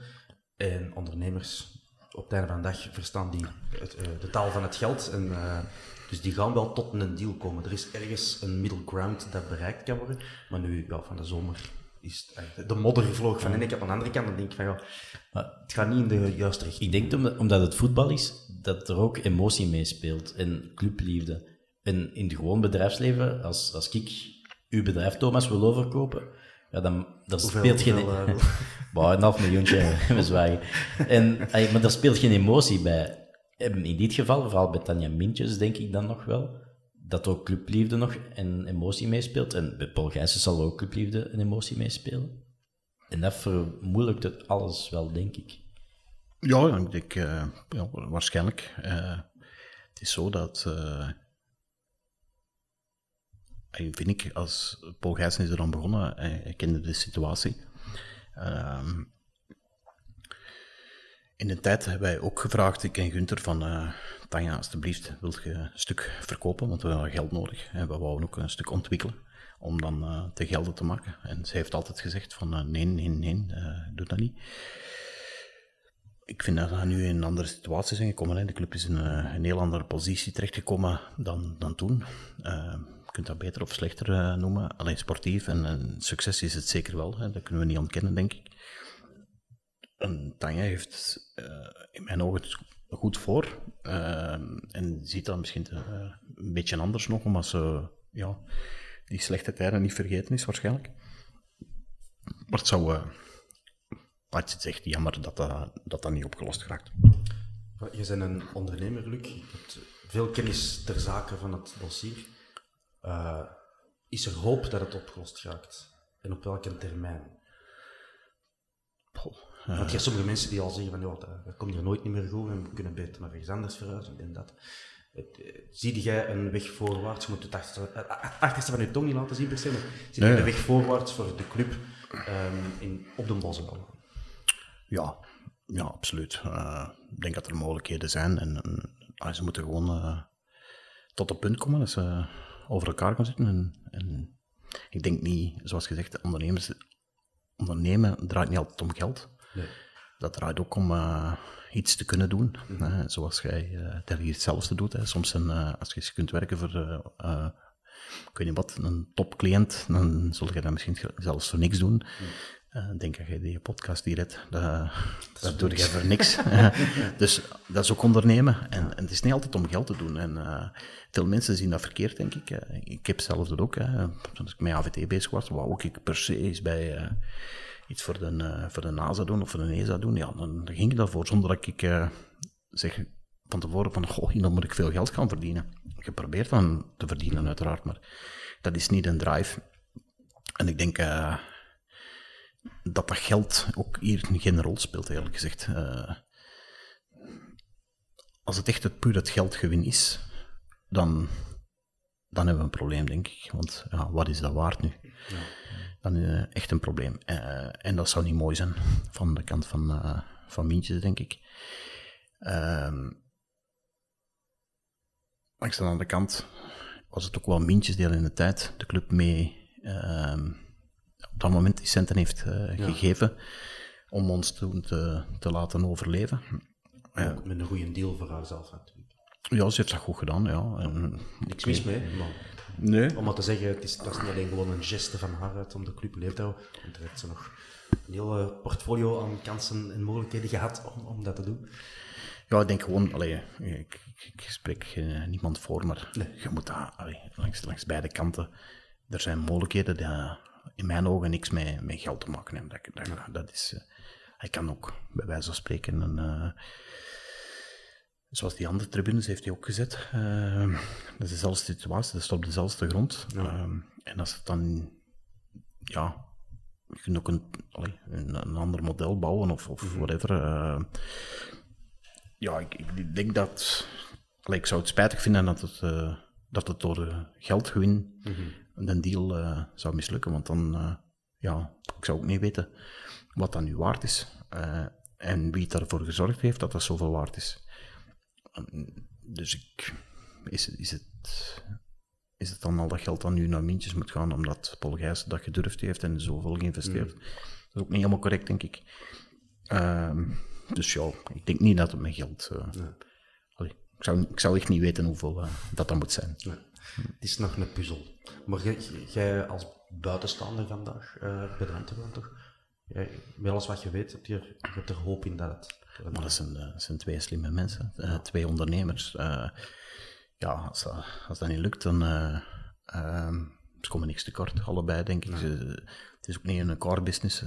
dus maak dat je rond de tafel zit en, en los dat op. Dat ze uh, al die samen rond de tafel gaan zitten, want dat is ook nog niet gebeurd, dacht ik. Hè? Dat ze face-to-face... Uh, Blijkbaar niet. Uh, niet. Ja, ik denk dat dat al uh, een probleem is. Hè. En niks met geld te maken, dat is mijn ego zeker. Ja. Dan, In voetbal zijn er wel eens ego's. Hè. Ja, absoluut. en dat hoort er nu helemaal bij, zeker. Want, maar goed, allee, buiten, buiten dat, als je nu ziet, de, ja, dat, stadion is half af dan. Uh, het zou mooi zijn dat het helemaal afgeraakt. Ja, los, los het, is zelfs, het is meer dan... Het zou niet zomaar mooi zijn, het is echt gewoon levensbelangrijk hè, voor de club. Dat, ja, absoluut. Dat is wat de rem is vandaag op de groei van de Antwerp. Is het feit dat allee, mensen niet nog een vriend kunnen meenemen of hun kinderen of uh, weet ik wat. De, wat er vandaag zit, is wat, wat er binnen kan. En, en zo blijft de, de plaatsen trappelen. Uh, 14.000 man voor een Champions League match. Ja. Dat is niet veel. Hè? Nee, en je kunt geen nieuwe mensen laten proeven van de ervaring. Ze bieden ons nog het Lisp uh, en worden ze daar verliefd op de Lierse. Dat kan, dat kan allemaal. Ze zijn welkom bij ons. En ze, ze, zijn er al veel. Hè. Dat is ja. Nee, ja, dat, dat, dat klopt en dat is, dat is, dat is jammer. Uh, maar om het snelste vooruit te kunnen gaan, uh, want er wordt dan gesproken en dan word ik ook in de, in de wandelgangen of lees ik ook in een verhuis. Maar één keer verhuizen, hoeveel jaren gaat dat duren? Kijk naar Club Brugge, hoeveel jaren zijn die al bezig met proberen? Je zit er goed. Uh, je, zei, je moet met één. twee personen moeten nog een overeenkomst vinden. That's it. Ja. En dan zijn ze bezig. Maar iemand wil investeren, zit er met geld klaar, zit er al in. Dus moeilijk, moeilijk is het echt niet. Het mag daar. Hè. Veel, veel locaties mag het gewoon niet. Uh, maar ik denk echt dat die uh, ja, even uh, de moeite moeten doen. Hopelijk pakken ze het moment van 100 jaar Bosel als symbolische opportuniteit om, uh, om eens rond tafel te gaan zitten. Het is, het is een verlofdag, dus dan kunnen ze, nee. kan, kan de polis naar, uh, naar Londen reizen. Um, wat was uw, we zullen beginnen met zeggen, wat was uw zwaarste moment, uw slechtste moment op, op de Antwerpen? Toen je... Match tegen Eupen. Ja, dat dacht ik al. Amai. Ik heb, dat, ik heb dat, die match ook dingen gezien, echt vieze dingen. Van supporters tegen elkaar en, en, een vieze spanning dat er heel de dag in. Ik krijg er ook kiekenval van uh, wat toen gebeurd is. Dat is, dat is een drama voor de club. echt, echt, echt zo fout. En om een of andere reden voelt je dat al voor de match. Ik, ik, ik, dat, er hong iets in de spanning in de lucht. Ja. dat was niet correct. Dat, klopte van alles niet. Eh, en wat er dan allemaal gebeurde, was ja, wa- waanzinnig.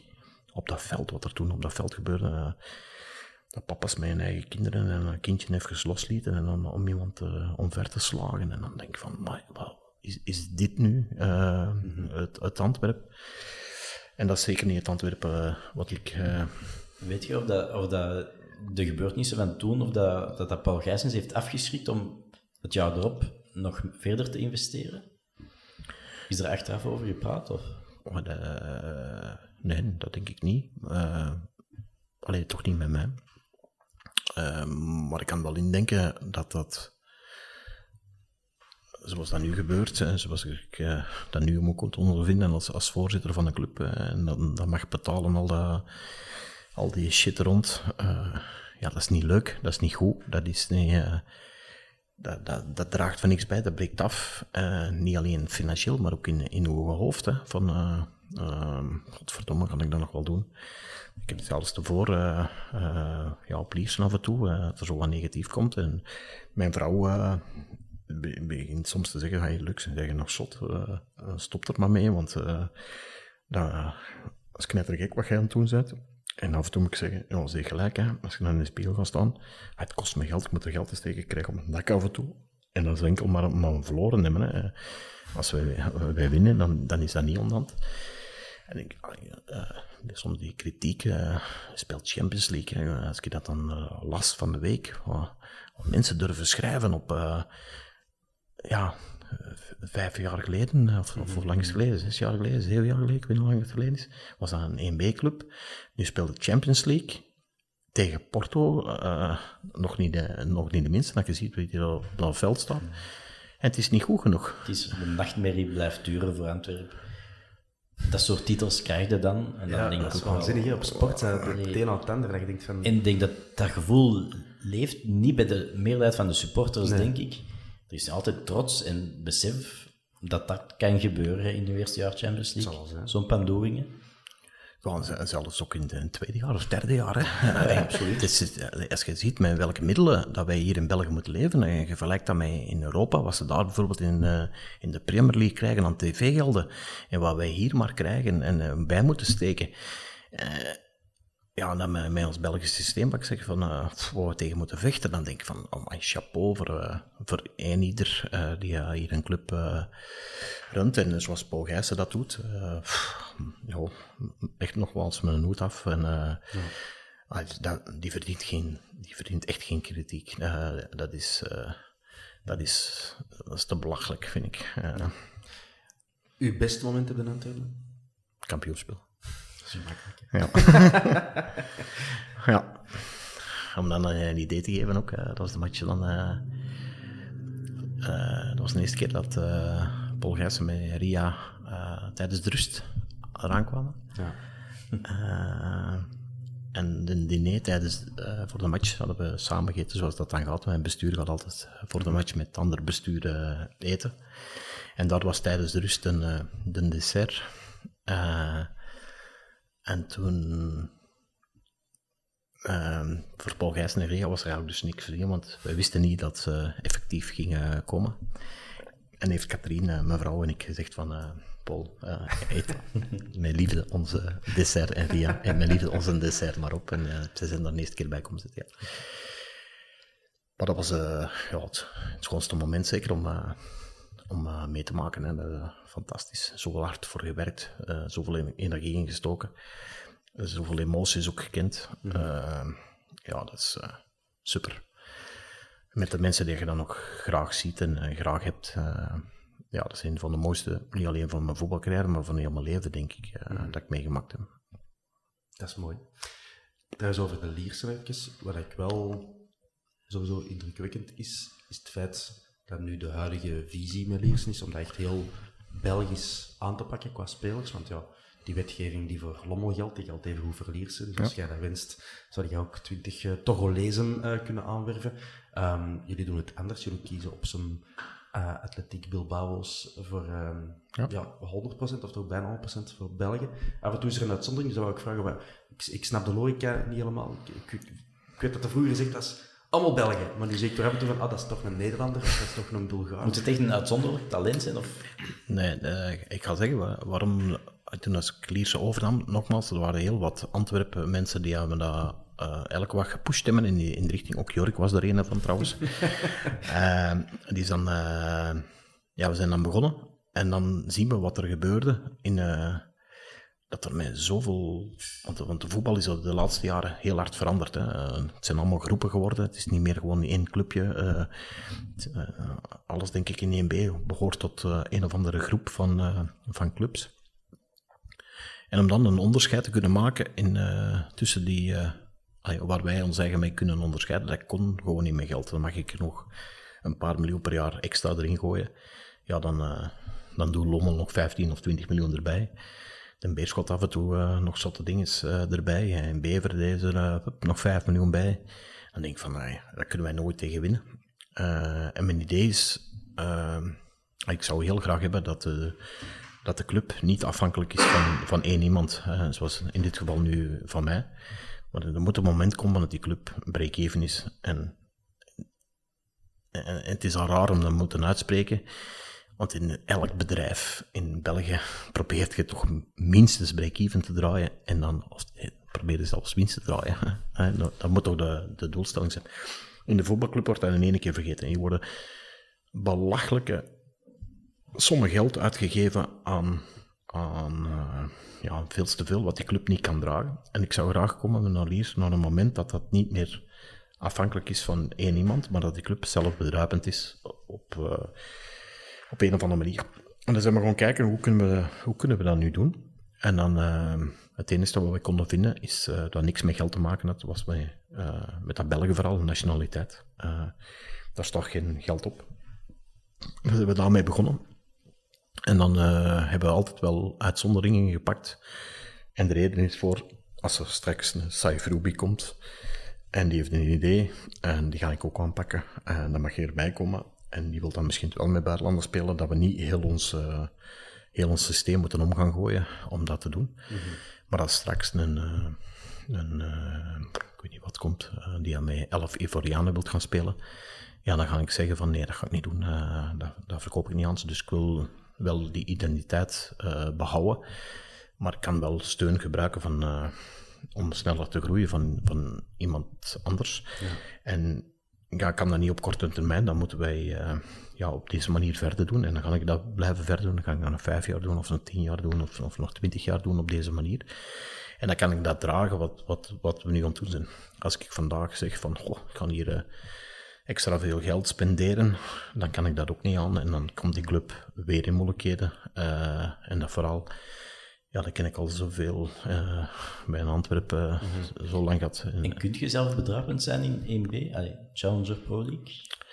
Wij gaan van het jaar uh, de jaarrekening neerleggen en denken dat wij op 160.000 euro verlies zitten. Dat is een belachelijk getal in, als je dat vergelijkt met alle andere clubs. Ja. dus we zijn er nog niet helemaal, maar we zijn wel op, op goede weg om dat te doen. En erg voor die andere clubs, uh, en misschien goed om, om te weten, maar uh, de Pro League werkt er naartoe om dat op onze manier te gaan doen. En wij zijn misschien te voortrekker erin om dat al te doen, om ons eigen te houden aan die reglementering en geen zotte dingen meer doen. Maar vanaf volgend jaar is het al zo dat je alle verliezen dat je opgestapeld hebt, dat je elk jaar 20% van moet kapitaliseren van het verlies om, om nog te mogen... Plus het verlies dat je hebt gepakt. Uh, dus voor clubs la Beerschot, uh, dat, ziet er, dat ziet er niet rooskleurig uit. Dat is jammer, hè? Ja, dat is, maar dat is allemaal geld wat ze al gespendeerd hebben, hè? Ja. Een club als Beveren, die ja, nu in één keer een budget moet naar beneden halen, omdat ze niet meer... Dat is toch belachelijk uh, wat ze dan gedaan hebben. En dan kunnen ze zeggen van, uh, oh, je moet dat doen, je moet dat doen, je moet... Ja, ik denk dat dat niet gezond is voor de club. En, en, en, en je ziet ook zoveel faillissementen in die voetbalclubs. Waar, en dat is zo jammer, zo'n traditieclub die, die het dan naar de kloten gaan voor... Omdat er enkel en alleen te veel geld is gespendeerd aan voetballers of makelaars die uh, veel te veel betaald zijn voor, voor dat niveau. Of, of, uh, en dat is uh, hetgeen dat ik mij liefst wil, uh, wil voorkomen. Ik wil daar een, een gewone, stabiele, liefst eerste klasse van maken. En oké, eh, dat gaat misschien niet alleen met mij zijn. Dan zal het budget omhoog moeten waarschijnlijk om dat te doen. Maar we gaan dat toch proberen. En uh, ik zeg het, als er iemand bij komt, dan uh, wil ik dat gerust blijven doen. Als er morgen iemand komt en die zegt van ik wil heel de club kopen en het moet 100% zijn en ik ga 11 uh, Ivorianen zetten, ja, dan ga ik nee zeggen, dan, dan doe ik het zelf verder. En dat had ik ook bij Antwerpen gedaan in de tijd. als daar iemand had gekomen voor met zo'n verhaal van we gaan het allemaal anders doen, dan had ik daar ook niet uh, mee ingegaan. Met Paul Gijssen dacht ik echt van iemand die stadions wou bouwen. En dacht echt, dat is de geschikte partij. En dus denk ik ook wel gebleken dat dat de juiste man was voor Antwerpen. Uh, en die heeft dat ook goed gedaan, denk ik. Ik denk dat je die visie ook gemakkelijk verkocht krijgt. Dat dat heel goed landt bij de fans van Liersen ook.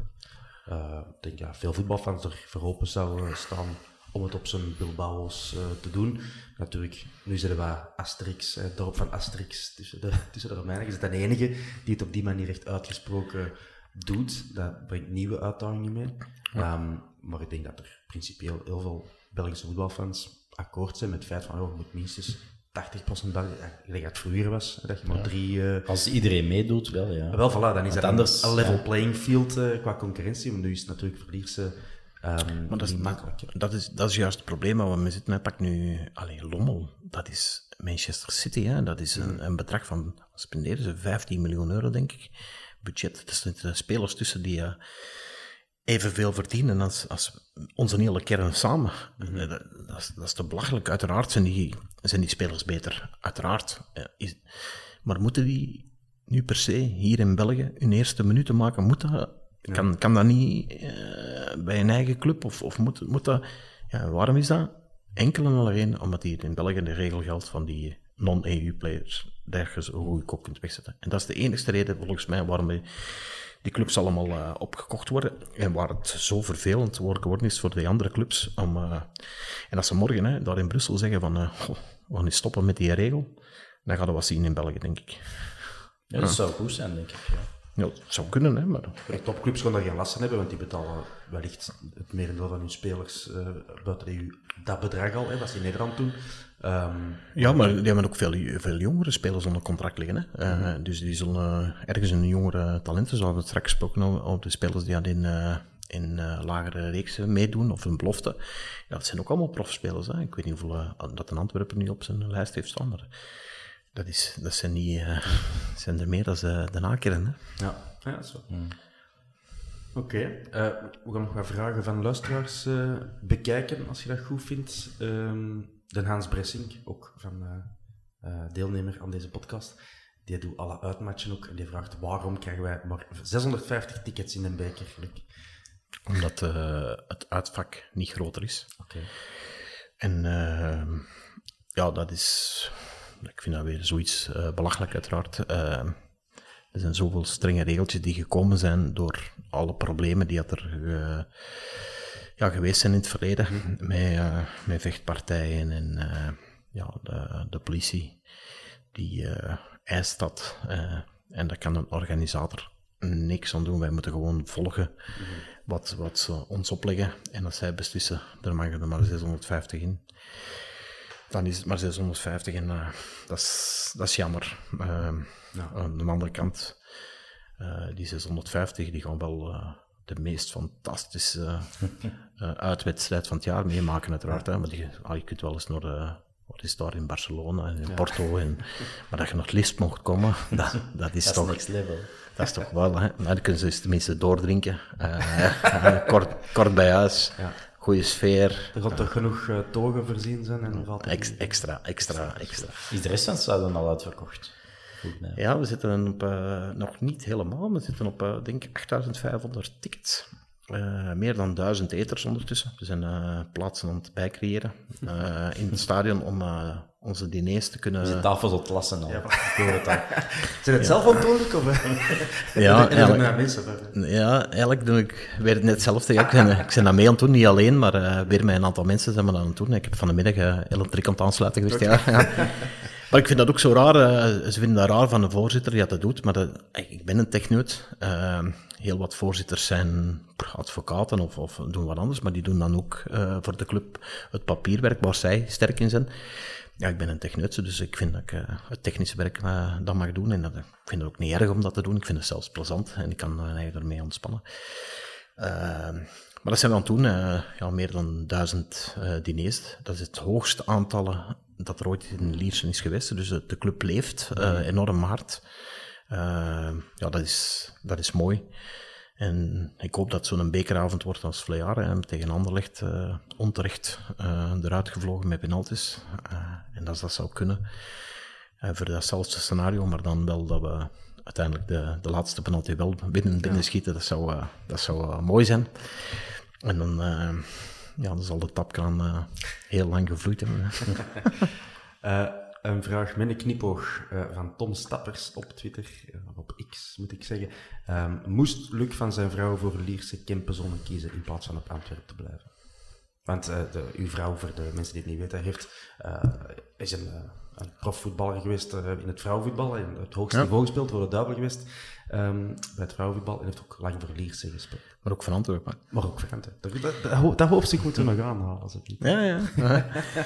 nee, eh, ja, het zijn allemaal eh, Lierse sporters in de familie van eh, mijn vrouw. Ja, dat is ook niet erg, denk ik. Dat is zeker niet. erg, Je bent de voorzitter van Lierse. nee, maar ik, ik vind dat ook niet, niet abnormaal dat die graag hebben dat we dat... Maar ze kan wel tegenwoordig minder goed om met de, met de kritiek. Ze vindt dat erg eh, wat ze mensen aandoen. Eh, en kan ze daar wel in bijtreden. Ik vind... eh, ik heb in Antwerpen hebben we ook ooit eens gehad. Ik weet dat met, met Gunther was ik iets aan het doen op een, weet het, een zondag of een zaterdagochtend. En er zijn een aantal supporters die uit dan net het café kwamen waarschijnlijk. Ons eens een keer komen aanpakken. Waar we vandaag, wat zit ik nu in godsnaam hier te doen? Mijn geld erin steken, een mot te krijgen. En dan denk ik, ah, en ja, dat is, dat is, dat is waanzinnig. Hè? Eh, en- maar dat gebeurt in voetbal en dat gebeurt enkel in grote clubs. En eh, ja, dat is. eh, mijn, mijn vrouw is. eh, dat is de eerste keer dat ze daar echt wel last van heeft. En dat ze niet op de. Vroeger nooit niet gehad. Dus dat sociale media, Ja, vooral sociale media. Dat, en ze leest dat dan niet, maar. Ja, het zijn, mijn moeder bijvoorbeeld, die leest dat dan wel en die vertelt dat dan. En dan. Eh, de broer vertelt dat en eh, ja, dat gaat. Sociale media is echt wel een vergif. eh, dat is niet goed. Dat is niet goed. Nee, je blijft er zelf af van weg altijd. Hè. Ik blijf daarvan weg, ja. Ehm, uw vrouw, je hebt Katrien, je hebt eh, op de Antwerp leren kennen eigenlijk. Hè. Ja, Ehm, misschien dat ook even kaderen voor de jonge luisteraars. We hebben één jaar een vrouwenploeg gehad, ja. de Antwerp. Wie zijn idee was dat? Dat is een schoon verhaal, hè. Dat was eh, eh, gelijklopend bij hetgeen wat we straks verteld Ja, hebben. 2013. Ja, dat was eh, op een beerschot, eh failliet. Ehm Patrick Kaper die dan zijn stamnummer wou overbrengen. Dat was op die bewuste dag dat we naar, naar Bart Wever zijn getrokken, ik en Gunther. En we hadden een week van tevoren bezoek gehad van het bestuur van die vrouwenploeg, van Conti dan, dat op Beerschot speelde. Die kwamen vragen voor bij ons aan te sluiten. Die speelde Benelink, dus een competitie tussen België en Nederland. En die moesten aangesloten zijn bij een eerste of een tweede klasse club, want anders eh, mochten die niet meedoen in de, in de. Dus die kwamen ja, een faillissement in, eh, op de kiel. Dus die kwamen bij ons aankloppen. En eh, onder Paul Bichot en Jan-Michel, nee, nee, nee, nooit van zijn leven dat wij dat gaan doen. Gunther, nee, we gaan dat nooit doen. Eh. Dus we zitten, dat was de week van tevoren, denk ik, hè, al- allemaal heel kort.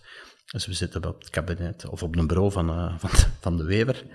En Bart zegt toen, ja, ik heb een probleem met, eh, met die vrouwen en met de G-ploegen en de jeugdploegen. En eh, met dat is dat allemaal opgelost. En Gunther eh, zegt in ene keer daarvan, oh, dan pakken wij dat wel over.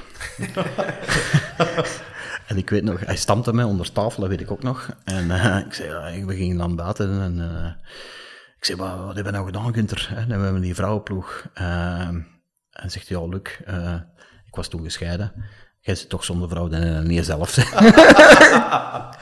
en dan ben ik met die vrouwenploeg begonnen en dan uh, was, uh, had ik de, had die allemaal een contract ook. Mm -hmm.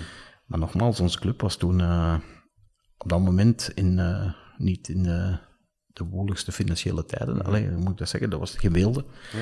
En die kwamen allemaal geld vragen, hè? geld vragen om te voetballen.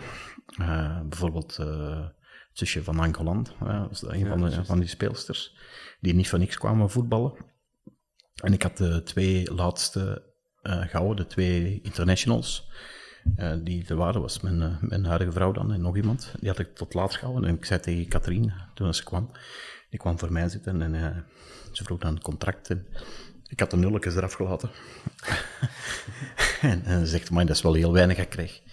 Ik zeg, ja, maar ik steek er al zoveel geld in en je moet blij zijn dat je voor die club kunt voetballen. En, en, en, ze kijkt me aan en, en ze tekent. En ik zeg, wat doet je nu? en ze zegt, ja, je gelijk. Ik ga nog één jaar voor mijn plezier spelen. Uh, dan niks met meer geld te maken. Ik wil gewoon mijn plezier spelen. Ik zeg, maar dat is knap. Ik zeg, hoe komt dat? Ja, mijn moeder is juist overleden. Uh, die ging altijd mee, alle buitenlandse verplaatsingen met de nationale ploeg. En ik heb die niet meer, dus ik sta er helemaal alleen voor. En het is niet meer plezant, het voetballen. Dus het geld interesseert me ook niet meer. Ik kan nog... Uh, ik zeg, man, dat is een goedkope vrouw, die moet ik hebben. en dan uh, ja, zijn mensen een keer gaan eten en dan is ze gaan drinken. En dan, ondertussen is het de duurste contract dat ik ooit getekend heb. maar goede crèmeglas wel. Ja, goede crèmeglas. uh, Luc, wat is uw favoriete Suske en Wiske album? Een vraag van Joni van Loven op Twitter. Goh, ik moet eigenlijk uh, die man teleurstellen, want ik, ik, ik lees ook niet veel uh, ja. Suske en Wiske verhalen. Dus ik, ik moet het uh, schuldig blijven, mijn excuses. Geen probleem. Er zal er binnenkort een komen, denk ik, over, over Robotland en, en het nieuwe museum. Dat, de rustige robot. Zoiets, zoiets misschien, ja. Niet rustig, dat is wel negatief. Ja, we hebben ook een vraag gekregen van De Perfecte Podcast. Dat is een Suske en Wiske podcast. Oh ja? Die doen dat al lang en die doen dat goed. Um, en die stelt de vraag: er zijn zakelijke motieven geweest voor de aankoop van het Suske en Wiske Museum. Hij is vooral geïnteresseerd in uw aankoop daar. Ja? Uh, maar wat zijn zijn persoonlijke drijfveren geweest om het Suske en Wiske Museum aan te kopen? Heeft hij iets met het oeuvre van Van der Steen? Ik vind het wel vooral uh, ja, fantastisch wat, wat, wat er is gebeurd en wat er staat. Ik ben er op bezoek geweest uh, een aantal keer. Ik vind het heel knap wat ze daar neergezet hebben. Ik, vind, ik zou het echt doodjammer vinden dat zo'n zo'n traditie zou moeten verdwijnen.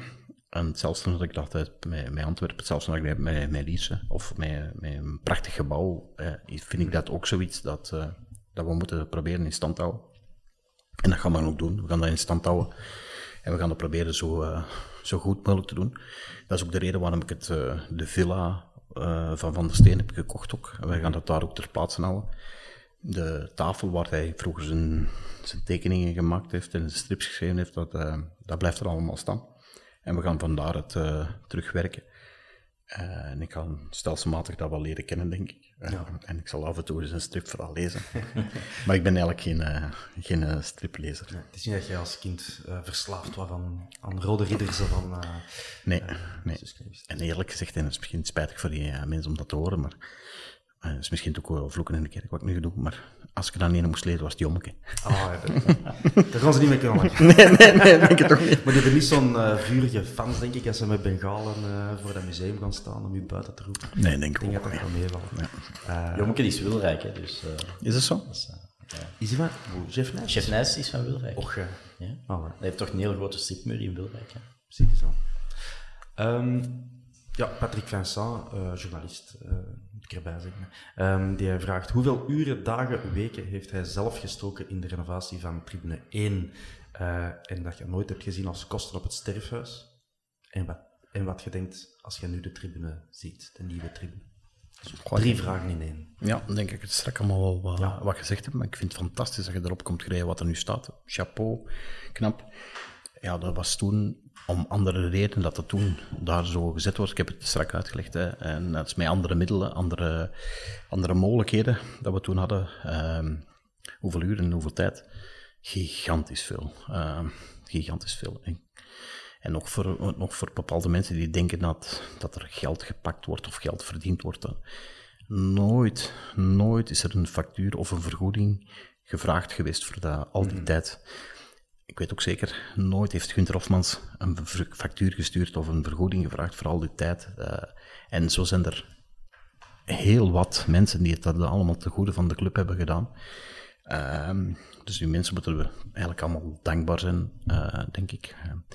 En bij mij was dat misschien wel extreem veel. Uh, dat ik ook heel, heel wat tijd spendeerde. Dat was ook een periode dat ik uh, gescheiden was, heel veel tijd had. was zoekende was in het leven waarschijnlijk. En ja, dat ik ook de mogelijkheden had met mijn bedrijf om, om daar ook nog veel tijd in te steken en wat, wat mensen naast hun gewoon job uh, die tribune te laten tekenen en in elkaar te laten lassen en, uh, ja. en wat materialen van uh, ja, wat doorsluizen. Dus ja, ik kan dat niet. Kan dat niet. En misschien best ook dat dat niemand niet weet, want dat er een fiscus mee luistert, dat er waarschijnlijk nog belasting op moeten betalen. ik zou het niet gekregen hebben. We zijn niet verjaard ondertussen? Ik hoop het. Ja, denk het wel. Nee, maar er is, er is ja, gigantisch veel tijd in materiaal en energie ingestoken. Ehm, een moeilijke vraag misschien. Je moet zelf maar zien of je daar wilt op antwoorden of niet. Steve van Loon op Instagram vraagt: Was het een gedwongen vertrek bij Antwerpen? Want het was toch de ploeg van uw hart. Op dat moment zegt dat. Maar ik vind het geen verkeerde vraag. zoals ik gezegd had, ik had, uh, ik had uh, niet gedacht dat Paul Gijssen dat zelf ging doen. Uh, Misschien. en hij doet dat goed, hè. niks van, maar voor mij was er geen, geen rol meer. En ik weet nog, toen het Lierse in moeilijke papieren zat, dat ik met Paul Gijs erover bezig ben geweest, van, goh, is dat niks voor, voor bij te kopen, zelfs om te doen? En hij zei toen, nee. Oké, okay, dat was het toen duidelijk. Ja. En toen dacht ik, nou, wat zit ik hier eigenlijk allemaal te doen? Ehm, en als er iets gebeurde, moest ik dat ook lezen in de krant of voor, dus ik was daar niet bij betrokken. En ik was een beetje het vijfde wiel aan de wagen geworden helemaal niet erg. Maar dat was niet mijn, mijn ding wat ik van tevoren had. Ik had er ook niet verwacht dat dat zo ging zijn. En uh, dan heb ik, ik heb niet moeten vertrekken. Hè. Ik had ook geen functie. Uh, ik werd ook niet vergoed. Pff, dat was dus allemaal hobby wat ik daar aan doen was. En ja, dan ben ik zelf wat mijn eigen opzij gezet mm om, om dat te kunnen doen. En dan het is eigenlijk pas gekomen toen de Jorik, onze aardige CEO bij Lierse, die dan ook actief was op Antwerpen, die toen weggegaan is, omdat hij een meningsverschil had, denk ik, geloof ik, met Gijzen, of, of ik weet niet wat er geweest is in ieder geval, maar die uh, toen belde voor Luc in Liersen en komt een Letse investeerder en die is ook nog een Belg om mee te doen. Ik zei, ja, serieus, dan wil ik wel eens luisteren. En dan ben ik met Jork naar Letland gevlogen. die is alles een dag nog, denk ik.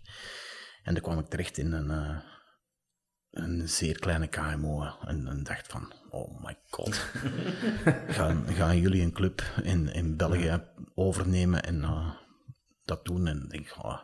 dan ben ik naar huis gevlogen, dat weet ik nog, en heb ik gedacht van, pff, als die mannen dat kunnen, waarom, waarom zou ik het dan niet doen?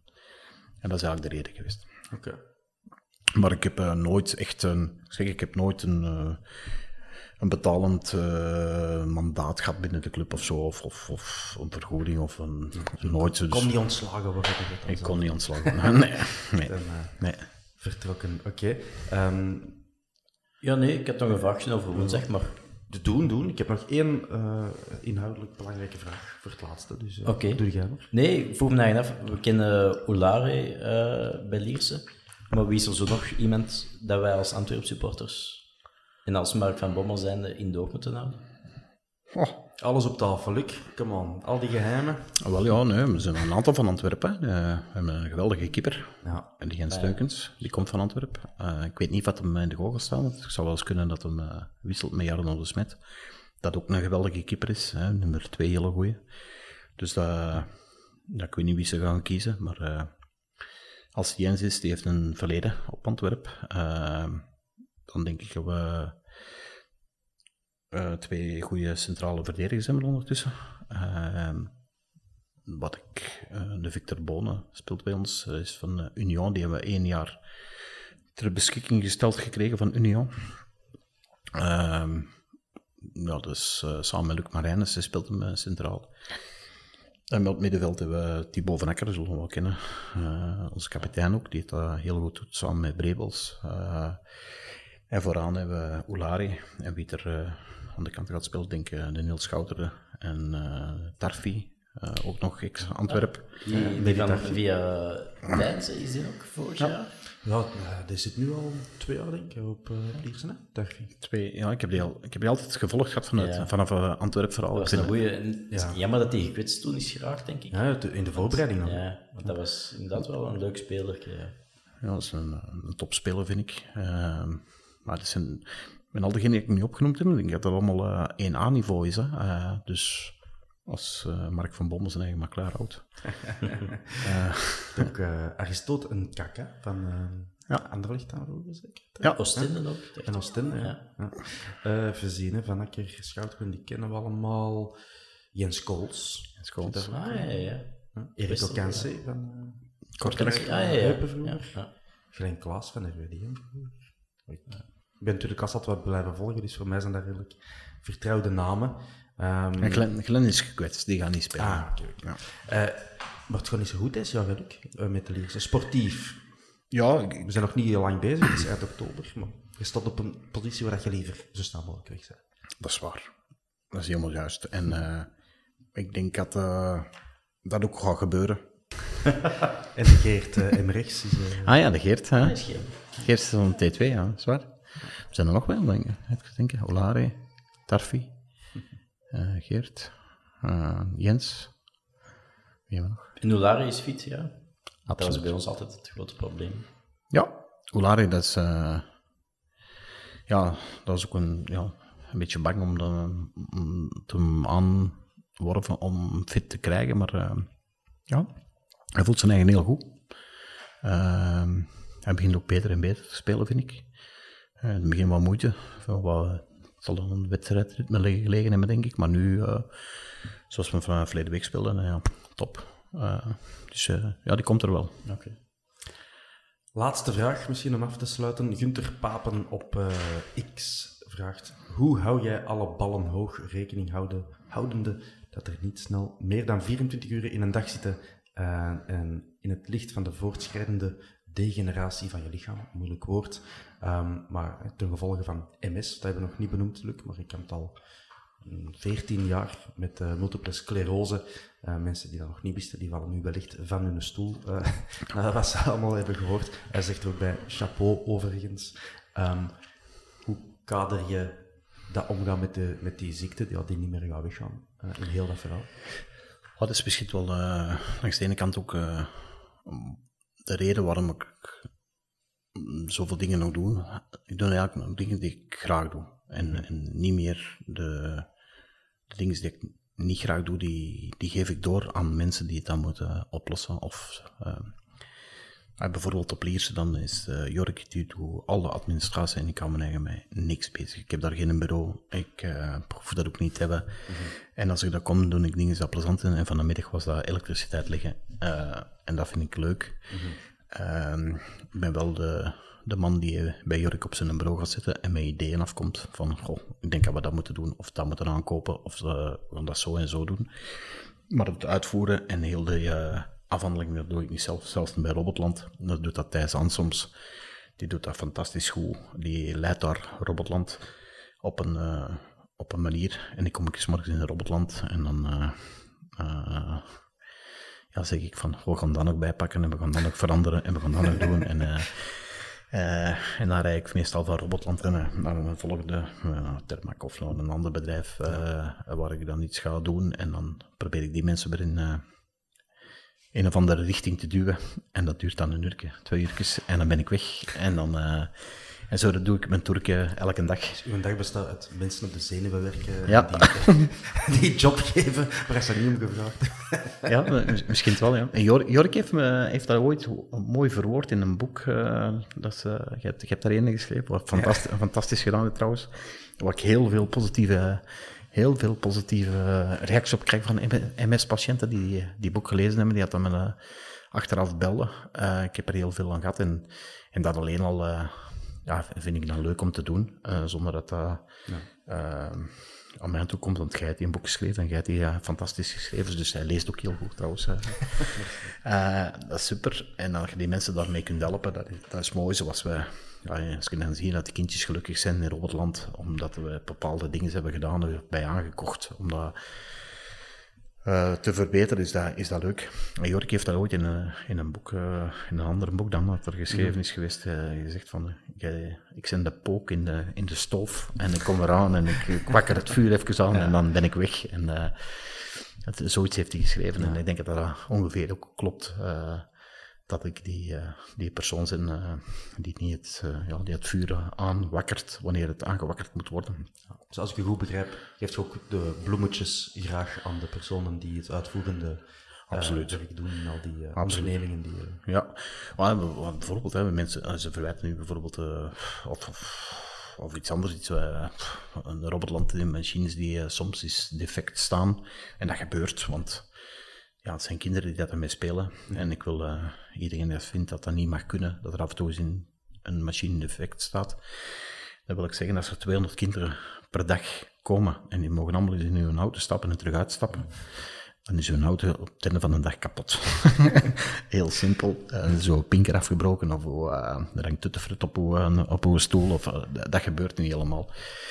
En dan zijn er de jongens zoals een Thijs en Jeff en een Ayrton in Robotland die dat dan oplossen. Elke keer opnieuw. En toch die blije gezichten terug te overen. En op de, in, in Liersen is dat Jork met zijn team die, ja, die maar moet zorgen dat, dat alles, alles draaiend is. Hè. Een match tegen, tegen Antwerpen organiseren. Dat is niet evident. Hè. Mm Veel sporters denken dat dat allemaal maar een vingerknip is om dat te doen, maar de veiligheid, ik denk dat er zullen 200 mensen aan het werk zijn of zoiets zeker. Uh, van parkeerwachters tot tappers, ah, tot betaalsystemen, tot uh, de dranknus, waar vandaag alle, alle vaten bier aan het leveren. De tafels dekken, uh, de cateraar, noem maar op. Dan spelen ze dan nog eens. maar het is gigantisch veel, veel werk en al die mensen moeten betaald worden. Of, of, er zijn wel een aantal vrijwilligers, maar dat moet administratief afgehandeld worden. Dat moet, ja, er komt, komt gigantisch veel bij kijken. En dat, uh, dat doe ik zelf niet. dus de mensen dat dat denken, dat is, ik doe dat ook helemaal niet graag. heel die, ik zit niet graag achter een bureau. Oké. Okay. Kunnen we stil aan afronden? Ik denk het wel. Oké. We hebben veel gehoord. Ja? Veel interessante dingen gehoord. Oké. Okay. Ja, vond het ook. Um, ik heb niks... Uh... Wat, wat, mogen wij u toewensen, Luc? Uh, laat het zoals over voetbal houden, misschien in eerste instantie. Wel, ik wil nog eens een uh, promotie meemaken. Ehm, dat was een van de mooiste, alleen, een, ja, een van de mooiste momenten in mijn leven zelfs, met Antwerpen promoveren. Ik zou dat graag met Lierse ook doen. Ja. Voor, het, voor, het volledige verhaal, al gepromoveerd met Lierse, maar dat was tijdens corona en om administratieve redenen eerder. Nee, dat was, uh, ja, we zijn gepromoveerd, maar uh, dat heb ik ook sterk gevierd. Uh, maar ik zou, ik zou graag sportief ja. doen. En ik vond dat... een lang spannend seizoen. Ja, ik, ik vond dat ook vernuft van ons. dat was ook het idee dat ik had op, op dat moment samen met Jork. Ja, maar zeggen van, we stonden dan dertiende, denk ik, in het klassement. Ik zeg, Jork, we gaan promoveren. Dat kan niet, dat kan niet, dat kan niet. ik zeg, denk het wel. ik heb uh, aan mijn oor te luisteren bij verschillende clubs en ik hoor dan veel financiële moeilijkheden op dat moment. Uh, ik zeg, ja, die gaan eruit vallen. Die, uh, dat komt dan niet goed en dat gaat dan niet goed komen. Ik zeg, we moeten onze licentie indienen. En we hebben het ook gedaan toen, de licentie voor 1B indiend met quasi een uh, leeg dossier, denk ik. en toen mochten we terug naar het bas uh, komen. Hè, zo, uh, bij vroeger op de Antwerpen ook heel dikwijls hebben we moeten doen. Ja. en hebben we een volledig dossier dan ingediend. En dan zijn wij gepromoveerd vanaf de, de 12e of 13e plaats, denk ik, naar, naar, naar 1B. dat geeft voldoening, omdat je ja, eraan gedacht hebt. En, maar, dat, dat is ondernemend gezien is dat, is dat, is dat leuk. Maar een, dat is niet hetzelfde. Dat is niet hetzelfde, nee. nee. Je moet promoveren via, via sportief. sportief ja, ja. Dus dat moeten we nog doen. En uh, dat hoop ik, uh, dat hoop ik een van deze jaren mee te maken met Liersen. En dan, eh, ja, dan denk ik dat is wat belangrijkste is dat ik nog wil doen in de voetbal. En dan hoger dan dat zal, zal niet voor mij zijn, denk ik. Hè. Dat, zijn andere, dat zijn andere budgetten. Ja. Alright, maar dat kan, kan, kan wel samen met iemand. Hè. Dan, dan wil ik wel wel erbij blijven. En, Allee, Thomas wil hier. Alex, kom, ja, het is goed. Ik heb hier nog wat. Ik hoop nog zien ja? Dat kan, dat kan. Nee, dan wensen wij u een, uh, een uh, sportieve strijd met een beerschot uh, toe. Waaruit jullie Lierse dan langs de eind trekken naar de laatste speeldag in de laatste minuut. Oh, dan hoeft het niet zo lang te duren. Denk. Dan, wel, dan moeten die man ook al die winstpremies betalen. Ja, dat is te veel pijn. er, is, er is niks slechter voor een club dan heel veel bovenaan spelen en niet promoveren. Dat weet jij ook. Ja, weet, weet, weet wat ook, uh, ik weet niet of jullie dat weet, maar uh, wij hadden altijd bij Antwerpen uh, een rivaliteit met, met, met Beerschot. En Liersen heeft dat ook. Ja. Uh, ja. Juist hetzelfde. KV Mechelen heeft dat ook. Iedereen heeft dat met Beerschot. Iedereen heeft er een hekel aan, blijkbaar. Ja. Ah, is dat zo? Ja. Oké. Okay. Dat wist ik niet. ah, maar in ieder geval, uh, Liersen heeft dat ook zeker en dat is wel leuk. Uh, op een gegeven moment, denk ik, twee, uh, of twee jaar geleden. ik zei, kom maar, ja, dan moeten we winnen, die match, die moeten we winnen. En ik was op een beerschot en ik zei na de match, dan ga ik een fles champagne bestellen hier. En wij een fles champagne gedronken op de winst op, Beerschot. Um, toenmalige, nee, nog denk ik, voorzitter Francis Franke is ja. uh, nog mee komen drinken. Die vond dat zo leuk dat ik een fles champagne bij hem bestelde.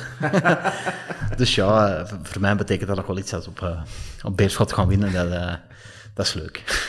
dus, maar moet dat de laatste match en of nou per se ook niet. Ja. ja. En ik hoop dat, dat Antwerpen landskampioen wordt. Dat wij de beker winnen dat we alle twee European gaan. Dat zou schoon zijn. Ja. uh, maar ja, we zien elkaar de woensdag op het LISP. Um, veel succes met de organisatie, hopelijk. Ja. Verloopt alles rimpelloos. En uh, merci om ons te woord te staan. Graag gedaan. En uh, tot zeer binnenkort. Dank je wel.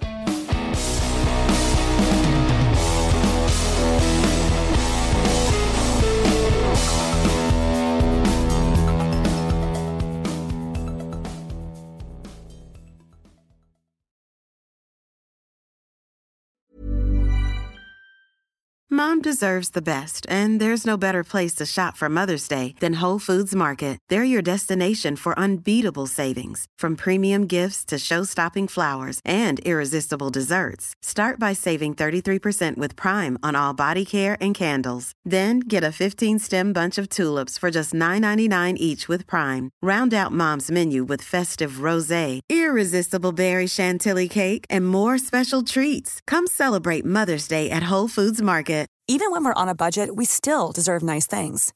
Quince is a place to scoop up stunning high-end goods for 50 to 80% less than similar brands. They have buttery soft cashmere sweaters starting at $50, luxurious Italian leather bags, and so much more. Plus, Quince only works with factories that use safe, ethical, and responsible manufacturing. Get the high-end goods you'll love without the high price tag with Quince. Go to quince.com/style for free shipping and 365 day returns.